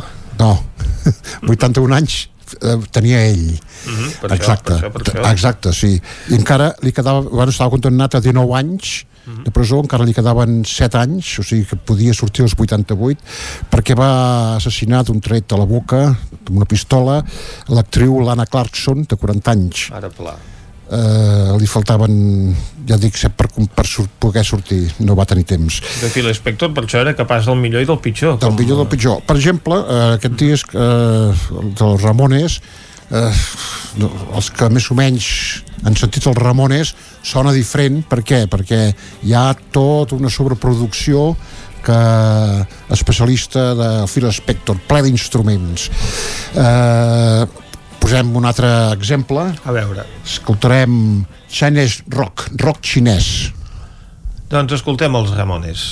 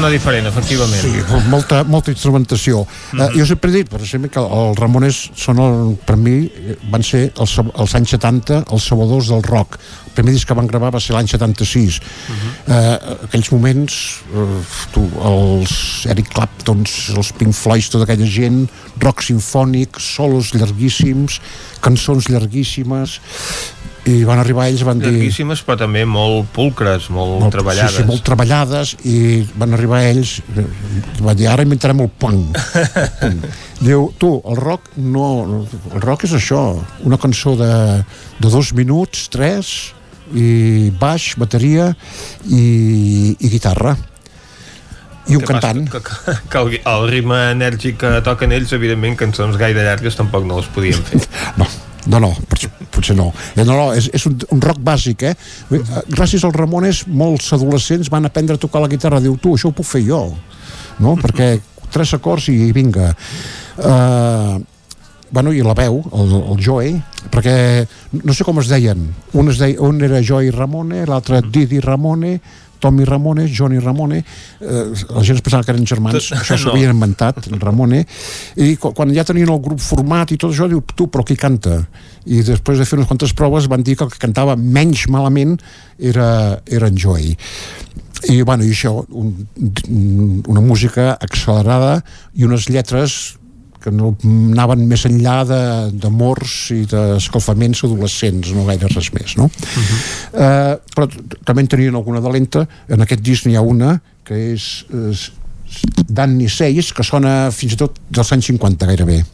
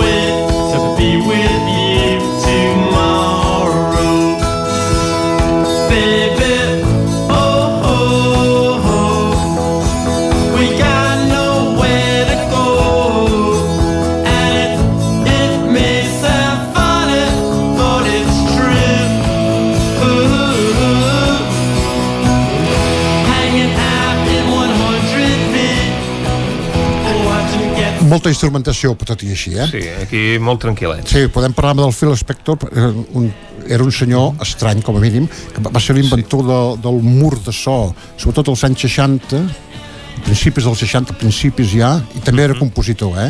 eh amb aquells grups de noies negres... És que ho va tocar una mica tot. Ho va tocar una mica tot, sí. Mm -hmm. però, els anys, però això, eh, vull dir, ell deia que, que volia fer sinfonia, petites sinfonies per, per adolescents. O sigui, gairebé música clàssica, eh, però de rock, no? I, però després es va va recuperar molta fama eh, el, perquè va ser el productor de l'últim disc dels Beatles, bueno, el penúltim, però l'últim que va sortir, el Let It Be, uh -huh. eh, en Paul McCartney es va enfadar molt quan va sentir com, la, com havia quedat perquè hi va afegir allà grans orquestracions grans, uh -huh. cors femenins per primera vegada amb els Beatles l'últim disc però i, i, bueno, i això sí, i es barallava en tothom eh, amb els, eh, però una mica fort. Va produir els discos del John Lennon uns quants fins que a l'últim o un dels últims, el rock and roll eh, es van barallar i va, va fugir el Phil Spector emprenyat amb les cintes del disc no els va recuperar fins al cap de dos anys el John Lennon què dius? sí, sí, sí, coses... el, els disc, el, primer disc, el primer disc del, del George Harrison el Think Mad Mas Pass, que és molt, molt famós, també el va produir ell, fins i tot el Leonard Cohen, uh -huh. un del Leonard Cohen que no me recordo com es diu però que Leonard Cohen va dir que havia quedat molt bé però que no valia la pena patir d'aquella manera amb aquell, amb aquell senyor. I amb el Ramones aquest, eh, que, amb això sí que aquest va ser va ser famós eh, el que va passar eh, anava allà amb una pistola a l'estudi i és, és cert, eh, una pistola i amenaçant-los perquè, és clar els Ramones eren quatre eh, nois jo jovenets uh Mhm. -huh. i molt celebrats i l'altre I la manera de posar ordre és anar amb la pistola. amb la pistola, sí. Que Bueno, havia disparat sovint perquè tot- per la història que ens has explicat que el va portar a la presó, doncs ja em diràs. Exacte. No, era un senyor veure, carn de psiquiatre, eh? el, uh -huh. el Phil Spector, però te, bueno, és el que passa, no? Un geni, Uh -huh. però malament. Per desintoxicar-nos una mica, tu escoltarem els Ramones, el, una cançó eh, del primer disc. Uh -huh. El, bueno, que a més a més és, és, és el crit que feien sempre, començarà amb un crit que feien sempre quan actuaven, que es diu Blitzkrieg Bob.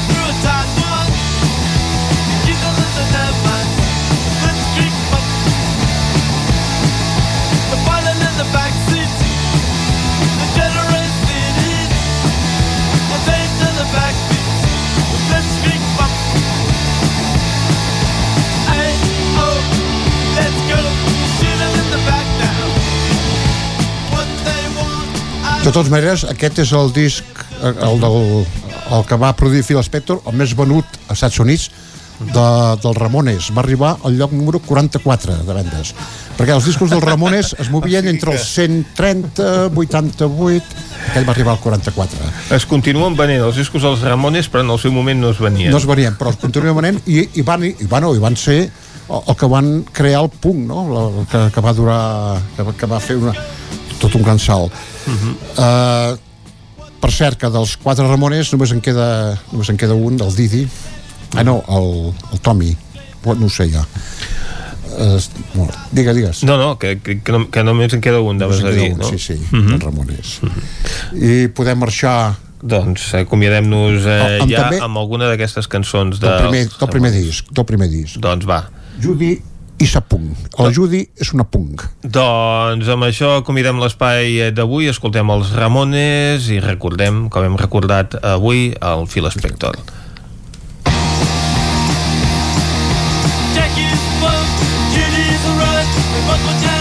On the hearts to fight.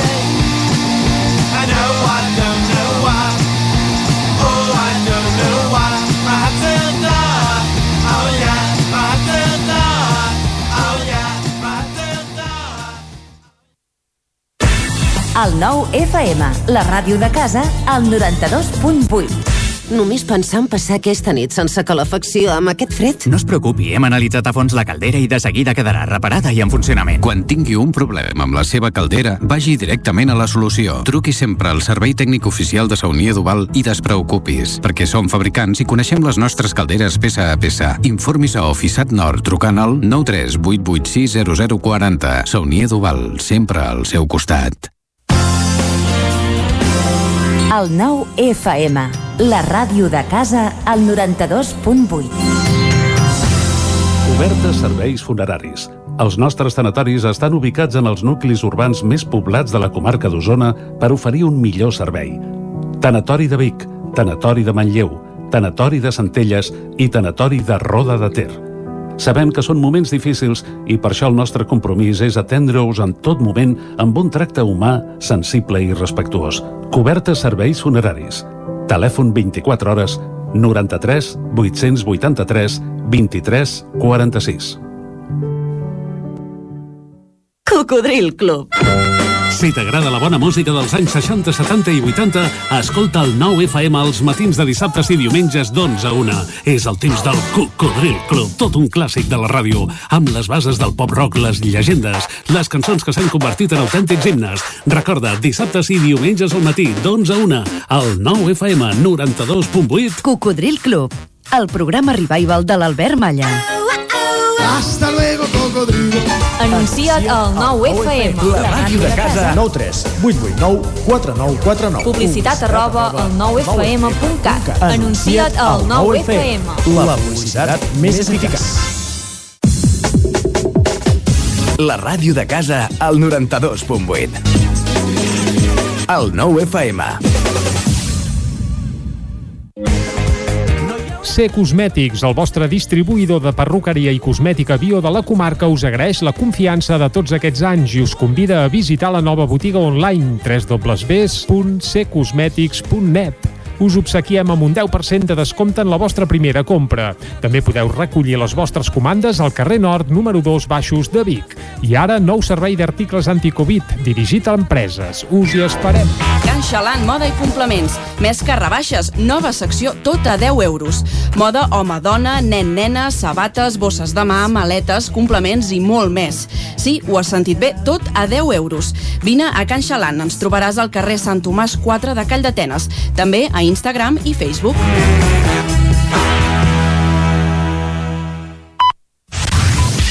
El 9 FM. El 9 FM. El 9 FM. El 9 FM. Territori 17.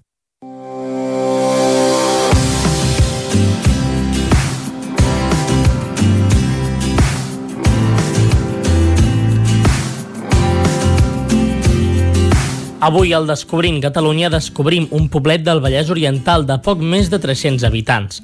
Estem parlant de Tagamanent. El caràcter muntanyós i trencat del terme el fa poc apte per a les activitats del camp, que es limiten al conreu d'unes poques hectàrees i la cria d'alguns caps de bestiar boví. En contraposició, la superfície forestal del terme, poblat de pins, alzines i també alguns roures i faigs, és molt extensa. El pasturatge hi havia estat molt estès gràcies a les amples planures de la part alta del terme. Ja al segle XVII, els senyors de Tagamanent, els Rocobertí, van establir en uns plans sota Vallforners una fira del bestiar que baixava dels pasturatges del Pla de la Calma. L'única activitat industrial és la producció de materials de pedra destinats al sector de la construcció. Al terme s'hi ha desenvolupat força el comerç i els serveis, que han esdevingut la principal font d'ingressos gràcies a l'auge del turisme i a la instal·lació de segones residències, que produeixen un augment considerable de la població durant les vacances d'estiu.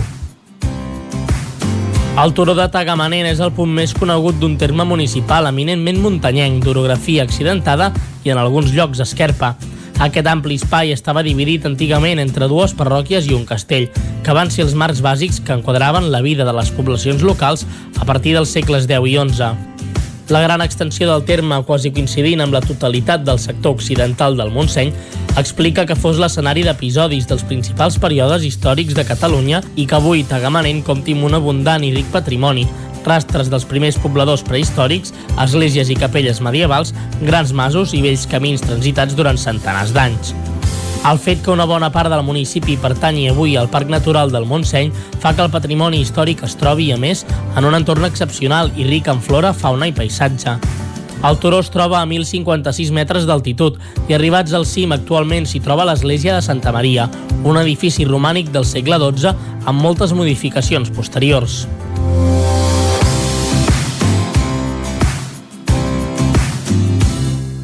Territori 17 Avui hem descobert agamanent aquest punt entre el Vallès Oriental i Osona i ara el que farem doncs, és viatjar a través de la R3 amb l'Isaac Muntades. A Tren d'Alba.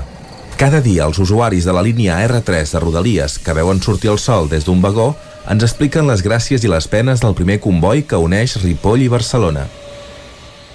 Benvinguts a Tren d'Alba. Abans que es poguessin començar les obres del túnel de Toses, atorgades a una societat domiciliada a Saragossa, que es va comprometre en concurs públic per fer les obres per un import de 6,2 milions de pessetes, va caldre obrir un camí des de Planoles i establir una línia de transport d'energia elèctrica derivada de la instal·lada per la Societat Hidràulica del Freser, a Caralps, la qual cosa era necessària per poder activar els motors i l'enllumenat. I parlant d'obres, però ara més actuals. Avui el diari dels nostres companys del 9-9 informen que el coordinador del Pla de Rodalies, Pere Macias, va dir que es podria actuar al pont del tren de Ripoll que permet superar el Ter i el Freser, que està força malmès per l'erosió. Macias va dir que per tal d'actuar exclusivament en ponts, viaductes i talussos, el pla de Rodalies reservava 50 milions d'euros i espera que d'aquí en surti un projecte per fer la reforma. Veurem si les promeses se les emporta el vent o es compleixen. En tot cas, segur que encara passaran uns quants anys abans que això passi. Va, ens retrobem dilluns per explicar-vos més històries de l'R3.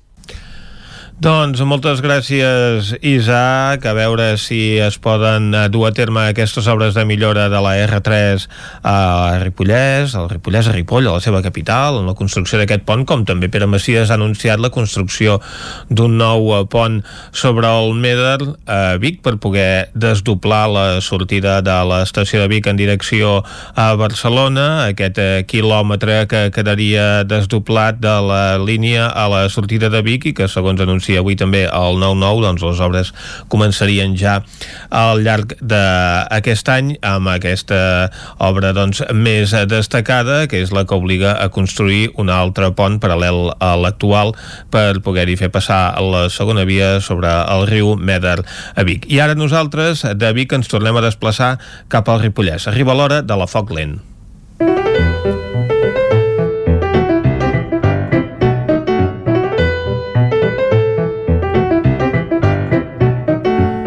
La Foc Lent és l'espai gastronòmic que ens acompanya cada divendres. Avui també amb l'Isaac Muntades és a la veu de Sant Joan que ens porta cap a la Barricona, aquest eh, característic restaurant molt conegut que hi ha al Ripollès. Anem, doncs, cap a la veu de Sant Joan. Bon dia de nou, Isaac Muntades. A la Foc Lent d'aquesta setmana, de la veu de Sant Joan, ens desplacem fins al quilòmetre 3,6 de la carretera entre Ripoll i Sant Joan de les Abadeses per parlar-vos de la Barricona, que és un restaurant de la cooperativa de treball associada a Riembau i que va néixer el juliol de l'any 2009. És un projecte de cooperació social que treballa per l'autogestió de la feina i la sobirania alimentària. Avui parlem amb la Carla Escarrà, que és sòcia i treballadora de la cooperativa, sobre què hi podem trobar actualment i com afronten les dificultats que ha portat al sector de l'hostaleria la Covid-19. Bon dia, Carla, i moltes gràcies per ser avui amb nosaltres. Sé que esteu a punt de, de començar el servei i per això doncs, t'agraïm que, que ens atenguis. Hola, bon dia. Moltes gràcies a vosaltres per convidar-nos.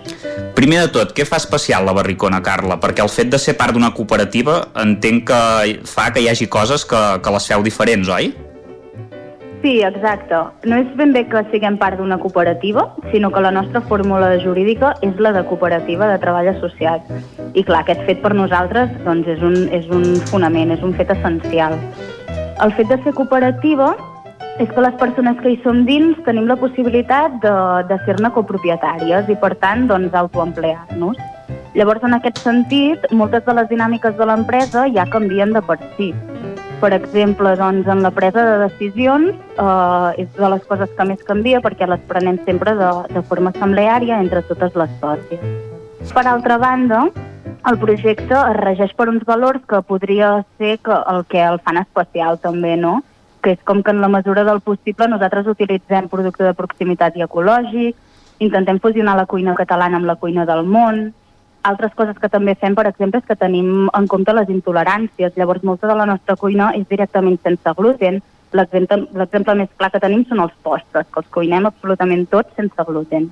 Llavors també oferim opcions veganes, que això és una aposta a la comarca, que se'n reconeix una mica per això també, perquè qui té ganes de reduir el seu consum de carn o peix, doncs aquí a la Barricona hi té l'opció.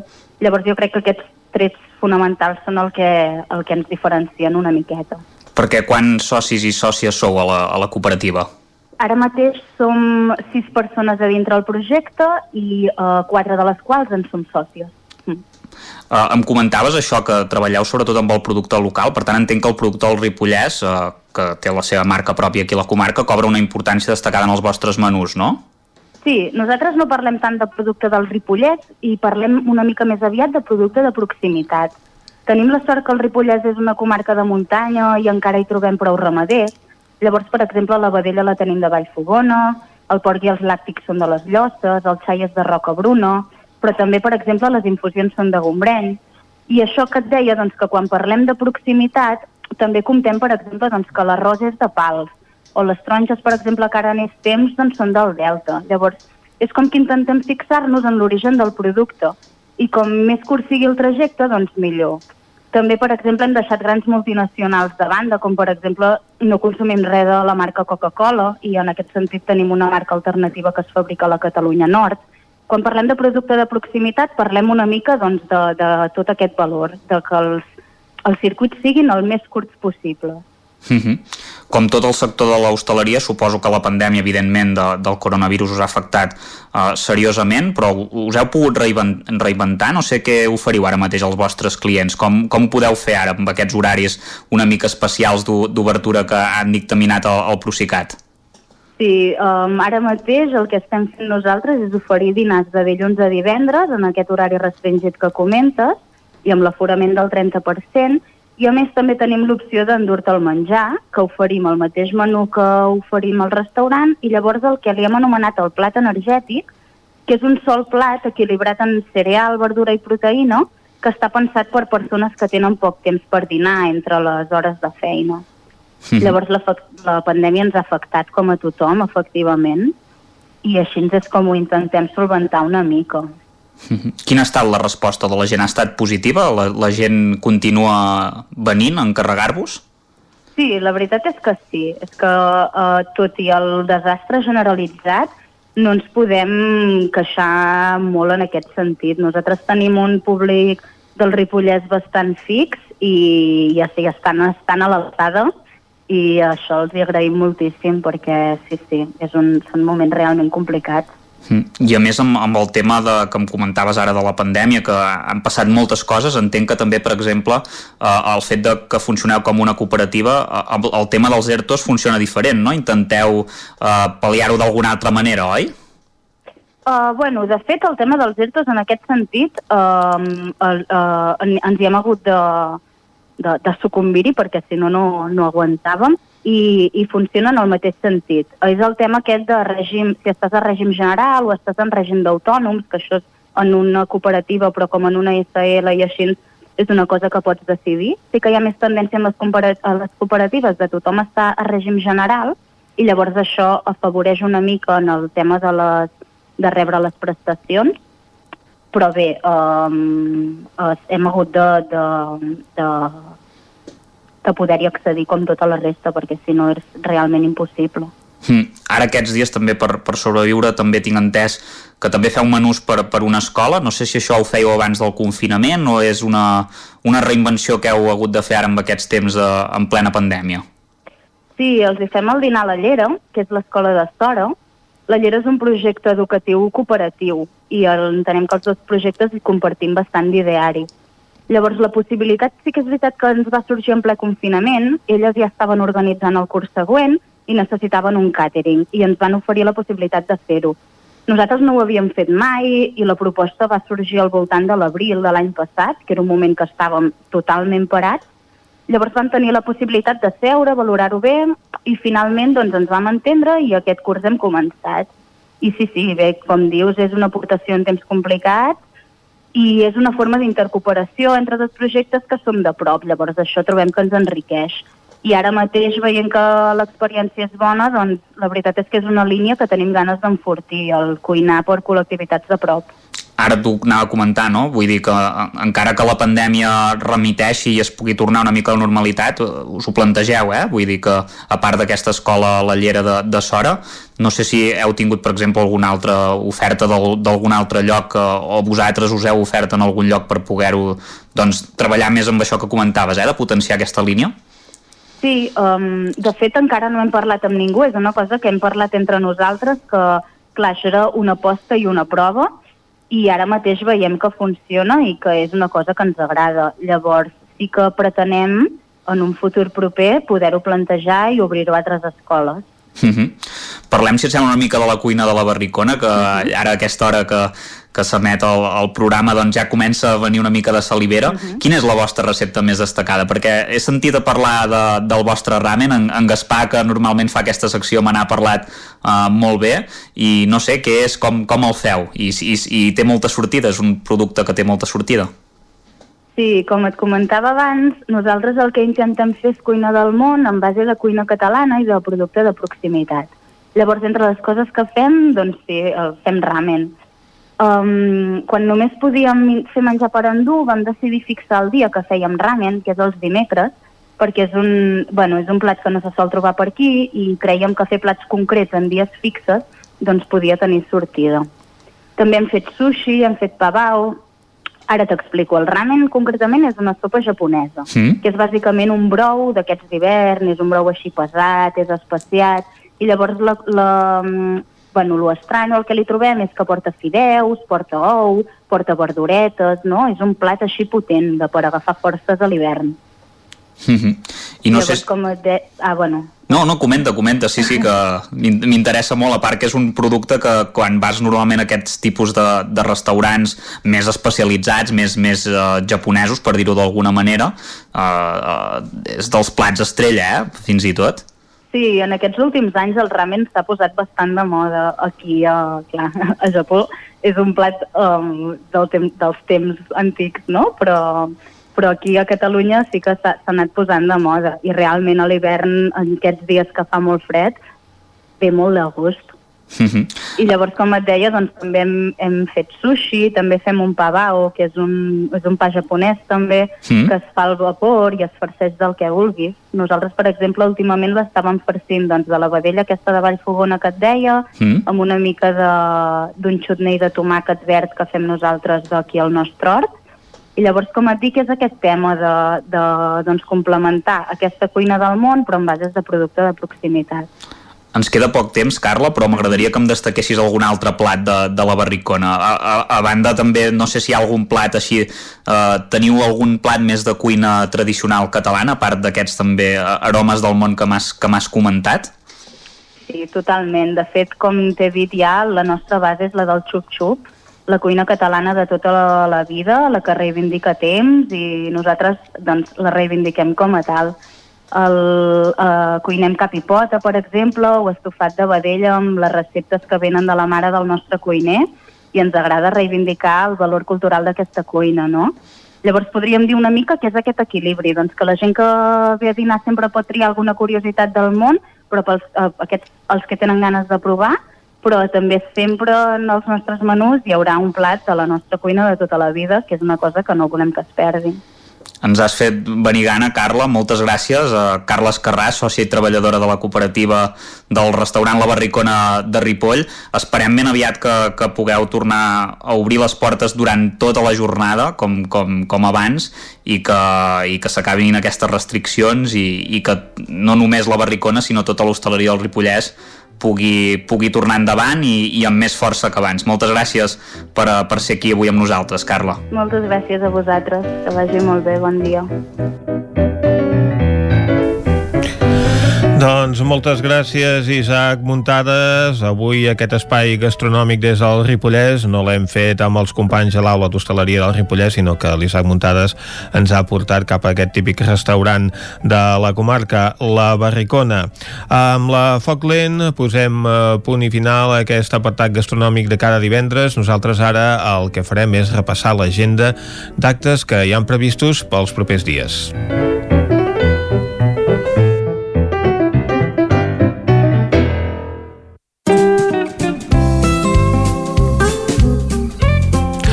Passen dos minuts a tres quarts de dotze, entrem a la recta final del territori 17 d'avui, com us dèiem, fent repàs a les activitats que podrem fer aquest eh, cap de setmana, setmana dels barbuts, una setmana que hi han moltes festes majors, però la veritat és que en la situació actual els ajuntaments el que han decidit doncs, és suspendre moltes d'aquestes activitats, per tant, farem repàs a aquelles poques activitats que hi hagi previstes per aquests propers dies i el que començarem a fer en primer lloc és conèixer quina és eh, la programació d'actes que hi ha prevista a la comarca d'Osona ara mateix. Ho fem amb en Miquel R. Bon dia, Miquel. Molt bon dia, Vicenç. Uh, Sant Vicenç, precisament, parlaves de la Setmana dels Barbuts. Uh, Sant Vicenç, Sant Fruitós, uh, Sant Sebastià... Uh, uh, hi ha mitja dotzena de pobles que uh, celebren la seva festa major aquests dies, precisament, coincidint amb, amb aquest patró, i el que tu deies, el panorama és encara trist, també se'ns han allargat les, les mesures. Uh, Tenim la, la, la doble opció. Alguns han decidit anul·lar-ho definitivament tot. Hi hauria, per exemple, el cas de Sant Vicenç de Torelló, o Balanyà mateix, que ja, diguéssim, el patró se celebrava aquest dijous, que han suspès tota la festa major a l'espera de, de que vinguin millors temps, i alguns han, han celebrat, doncs, o han mantingut alguns actes puntuals, testimonials, una mica també en recorda la festa. Uh -huh. Seria el cas, per exemple, de Prats de Lluçanès, a Prats eh, també es diu molt la festa major de Sant Vicenç, i el que faran una mica per, per testimoniar-la és una, una exposició molt ambiciosa al tot del Vall de la Trenca Dansa, uh -huh. que es muntarà a l'entorn de diferents espais del poble, també alguns locals abandonats, i tal, el bar i alguns, alguns locals socials, amb, amb, amb una representació de, de, de, de la història dels vestits i de les almorratxes, elements tradicionals d'aquest ball eh, que mantenen alguns pobles, no només Prats, eh, que es manté a Castellarçó, que es manté a Taradell, es manté alguns a Manlleu, alguns pobles concrets. Eh, en el cas, això seria, ja dic, eh, eh, purament en el cas de, de Prats, en el cas de Malla eh, han mantingut eh, avui precisament, que, és, eh, que també és el patró, han mantingut la missa, ara es farà un vermut eh, que el serviran a domicili i al vespre faran un castell de focs, eh, si el vent els hi permet, perquè ara en aquests moments fa força vent, Exacte. eh, a dalt al clascar perquè ho puguin veure una mica tots, tots els veïns des de, des de dalt. Els veïns de Eh, Malla i de, i de Vic, que també ho podran veure alguns, no? Exacte, tindran la sort de la banda aquesta que també, que també, es, podrà que, que, que també es podrà veure. És bàsicament el que s'ha mantingut, la resta són algunes propostes molt puntuals, ja Sant Pere de Torelló, que aquest cap de setmana també tocava celebrar la Fira de Sant Sebastià, uh -huh. també com a Fira l'han anul·lat tota, eh, en tot cas, això que dèiem, testimonialment els lliuraran als veïns un calendari per, per, de, de record de la Fira i els, els comerços engalanaran una mica els seus aparadors. Eh, ja veus, molt tot testimonial, Sí, senyor. molt a l'espera de, de que... De que, tot, de que de que millori el temps, en definitiva. Correcte. Molt bé. Doncs gràcies, eh, Miquel. Efectivament, aquest havia de ser un cap de setmana amb moltes activitats, però malauradament no podrà ser, tot i que hi ha pobles que mantenen aquesta tradició, com és el cas que ens parlava en Miquel de Prats de Lluçanès, que per doncs, no perdre la tradició de celebrar el dia del seu patró, el que farà d'aquí una estona, i concretament a partir de dos quarts d'una, és un programa especial de Festa Major que es podrà veure en directe a través del nou TV. Ara nosaltres el que farem és anar cap a Cardedeu. A Ràdio Cardedeu ens espera l'Òscar Muñoz. Bon dia de nou, Òscar. Bon dia. Quines són les activitats que hi ha previstes per aquests dies? Doncs sí, mira, comencem a Granollers amb l'exposició Blanc de la Lourdes Basolí a l'Espai d'Arts de la Roca Humbert. Eh, es va estrenar ahir, com hem dit, i és una autocrítica al voltant de, de la representació occidental de l'Àfrica subsahariana. Uh -huh. L'artista assenyala certs models de llenguatge fotogràfic utilitzat pels turistes occidentals que han sobreviscut des de l'època colonial. Eh, una exposició que es podrà veure de dimecres a dissabte de dos quarts de sis a les 8 del vespre, fins al 18 de març. Avui divendres a Granollers tenim la Fira d'Artesans tot el dia a la plaça de la Corona, la petita fira amb una amb molta varietat de productes artesanals locals d'importació a bon preu. Dissabte anem a dissabte ja a Cardedeu a les 12 a l'Espai Cultural i Gastronòmic del Tarambana que acull la cinquena edició dels Vermuts Literaris com abans ja havíem comentat. I això, i està presentat i dinamitzat per la periodista Clara Martínez Clavell i tenim i presenten el, em, el llibre El teu nom amb l'actriu i escriptora Clara Mora, Moraleda finalista del Premi Josep Pla 2020 Dissabte també mateix a les 4 de la tarda a Granollers El cel més brillant de l'any. La projecció al planetari del Museu de Granollers de Ciències Naturals. I bueno, doncs que les nits llargues d'hivern són també les més vistoses no? i doncs ens ensenyaran aquest cel tan enlluernat per les estrelles. I per acabar, diumenge a les 10 tenim una activitat dirigida per als més petits, els d'entre 0 i 3 anys, acompanyats d'un adult, clar està. Tenim bueno, l'activitat Blink, Flash Lab Taller. És un espectacle familiar, en moviment, i doncs això, faran participar els més menuts i ballar i jugar, que és el que més els agrada i més en aquesta època tan necessària. I tant que sí, doncs eh, moltes gràcies, Òscar. A tu. Anem ara cap a Ona Codinenca, on ens espera la Caral Campàs. Bon dia, Caral. Hola, bon dia de nou. Doncs explica'ns quines activitats hi ha pels propers dies, perquè al llarg de la setmana ja ens has anat anunciant que se suspenien algunes activitats que hi havia tradicionals eh, aquests dies en aquesta zona del Vallès. Sí, exacte. Se suspenien els actes emmarcats amb la celebració dels Sants de Vigues i Riells, uh -huh. però bé, hi ha alguna coseta, alguna altra coseta que us puc comentar. El que sí que no hi ha, eh, que no divisem, són fires, que sembla una cosa ja típica del 2019, perquè, perquè això sí que, que fa temps que, que no ho tenim per aquí. Però bé, uh -huh. um, al Moianès tenim uh, aquest diumenge una caminada enmarcada en el que seria o hauria de ser la festa major d'hivern de Calders, uh, faran aquest, aquesta activitat esportiva. Serà a, a partir de les 9 del matí, les inscripcions i sortida és de, de 9 a dos quarts de 10, des de la plaça Major de Calders, com deia aquest diumenge, una caminada de 10 quilòmetres i 300 metres de desnivell positiu. Comenten des de l'organització que l'ús de mascareta és obligatori a la sortida i arribada. També diuen que no hi ha avituallaments i que, per tant, cal portar aigua i algun aliment sòlid. Aquesta és una activitat doncs, gratuïta. I al Moianès el que també tenim, eh, en aquest cas no el cap de setmana, sinó entre setmana de, de la vinent, dimarts 26, a Moià, a dos quarts de vuit del vespre, a la biblioteca hi ha tertúlia literària sobre la novel·la Sula, de l'escriptora i Premi Nobel de Literatura, de l'escriptor, perdó, i Premi Nobel de la Literatura Toni Morrison, a càrrec del filòleg, filòleg anglès Pep Montsec. Això serà dimarts vinent, a les 8 del vespre a la biblioteca. I acabo amb una informació de servei i recordant que dimarts vinent hi ha la campanya de donació de sang a Sant Feliu, aquí a Sant Feliu, al centre cívic La Fonteta tot el dia i que la gent que, que vulgui anar a donar sang doncs, ha de reservar a través de, del web de, del Banc de Sang. Mm -hmm. Molt bé, doncs gràcies, Caralt. A vosaltres. Ara anem a la veu de Sant Joan, tornem amb l'Isaac Muntades. Bon dia, Isaac, de nou. Bon dia de nou. Què es preveu pel Ripollès? A veure, tenim dues activitats eh, bàsicament. De fet, una no seria el Ripollès, però el Ripollès ja està directament relacionat. Mm -hmm. uh, aquesta seria el concert que es farà avui a les 8 del vespre a Girona. I per què aquest concert eh, que es diu Despertant instruments adormits a Girona és important? Doncs perquè aquesta és una iniciativa que forma part del projecte europeu Awakening European Sleeping Instruments per a la difusió dels instruments i de les músiques doncs, creades al voltant de la portalada del monestir de, de Ripoll durant l'edat mitjana.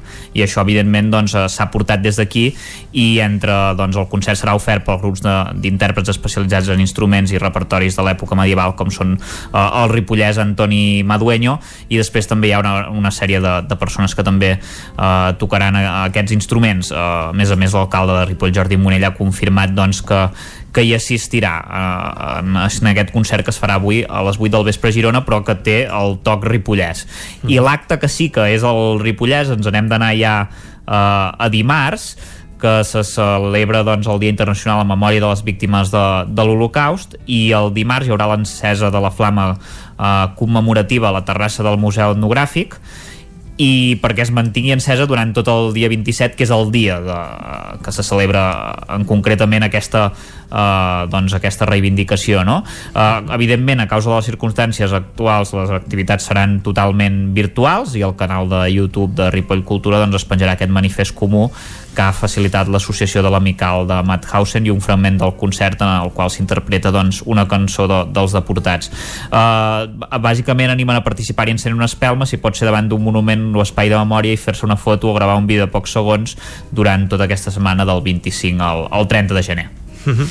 Molt bé, doncs gràcies per aquest repàs, Isaac. A vosaltres.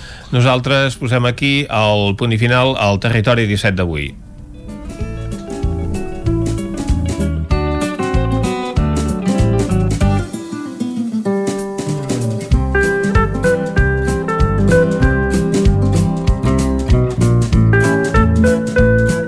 Avui al Territori 17 us hem parlat de música perquè se celebren els 40 anys a l'Escola de Música de Manlleu i estan programant tota una sèrie d'actes i també hem tingut en Jaume Espuny que cada divendres ens porta un clàssic musical avui amb els Ramones i recordant a Phil Spector, el productor que va morir aquesta setmana. També hem anat a la Barricona, un restaurant del Ripollès i hem fet repàs de les activitats que podem fer aquest cap de setmana o que podem seguir des de casa aquest cap de setmana, depenent de les circumstàncies, tant eh, pel que fa a les activitats esportives com a les activitats d'oci.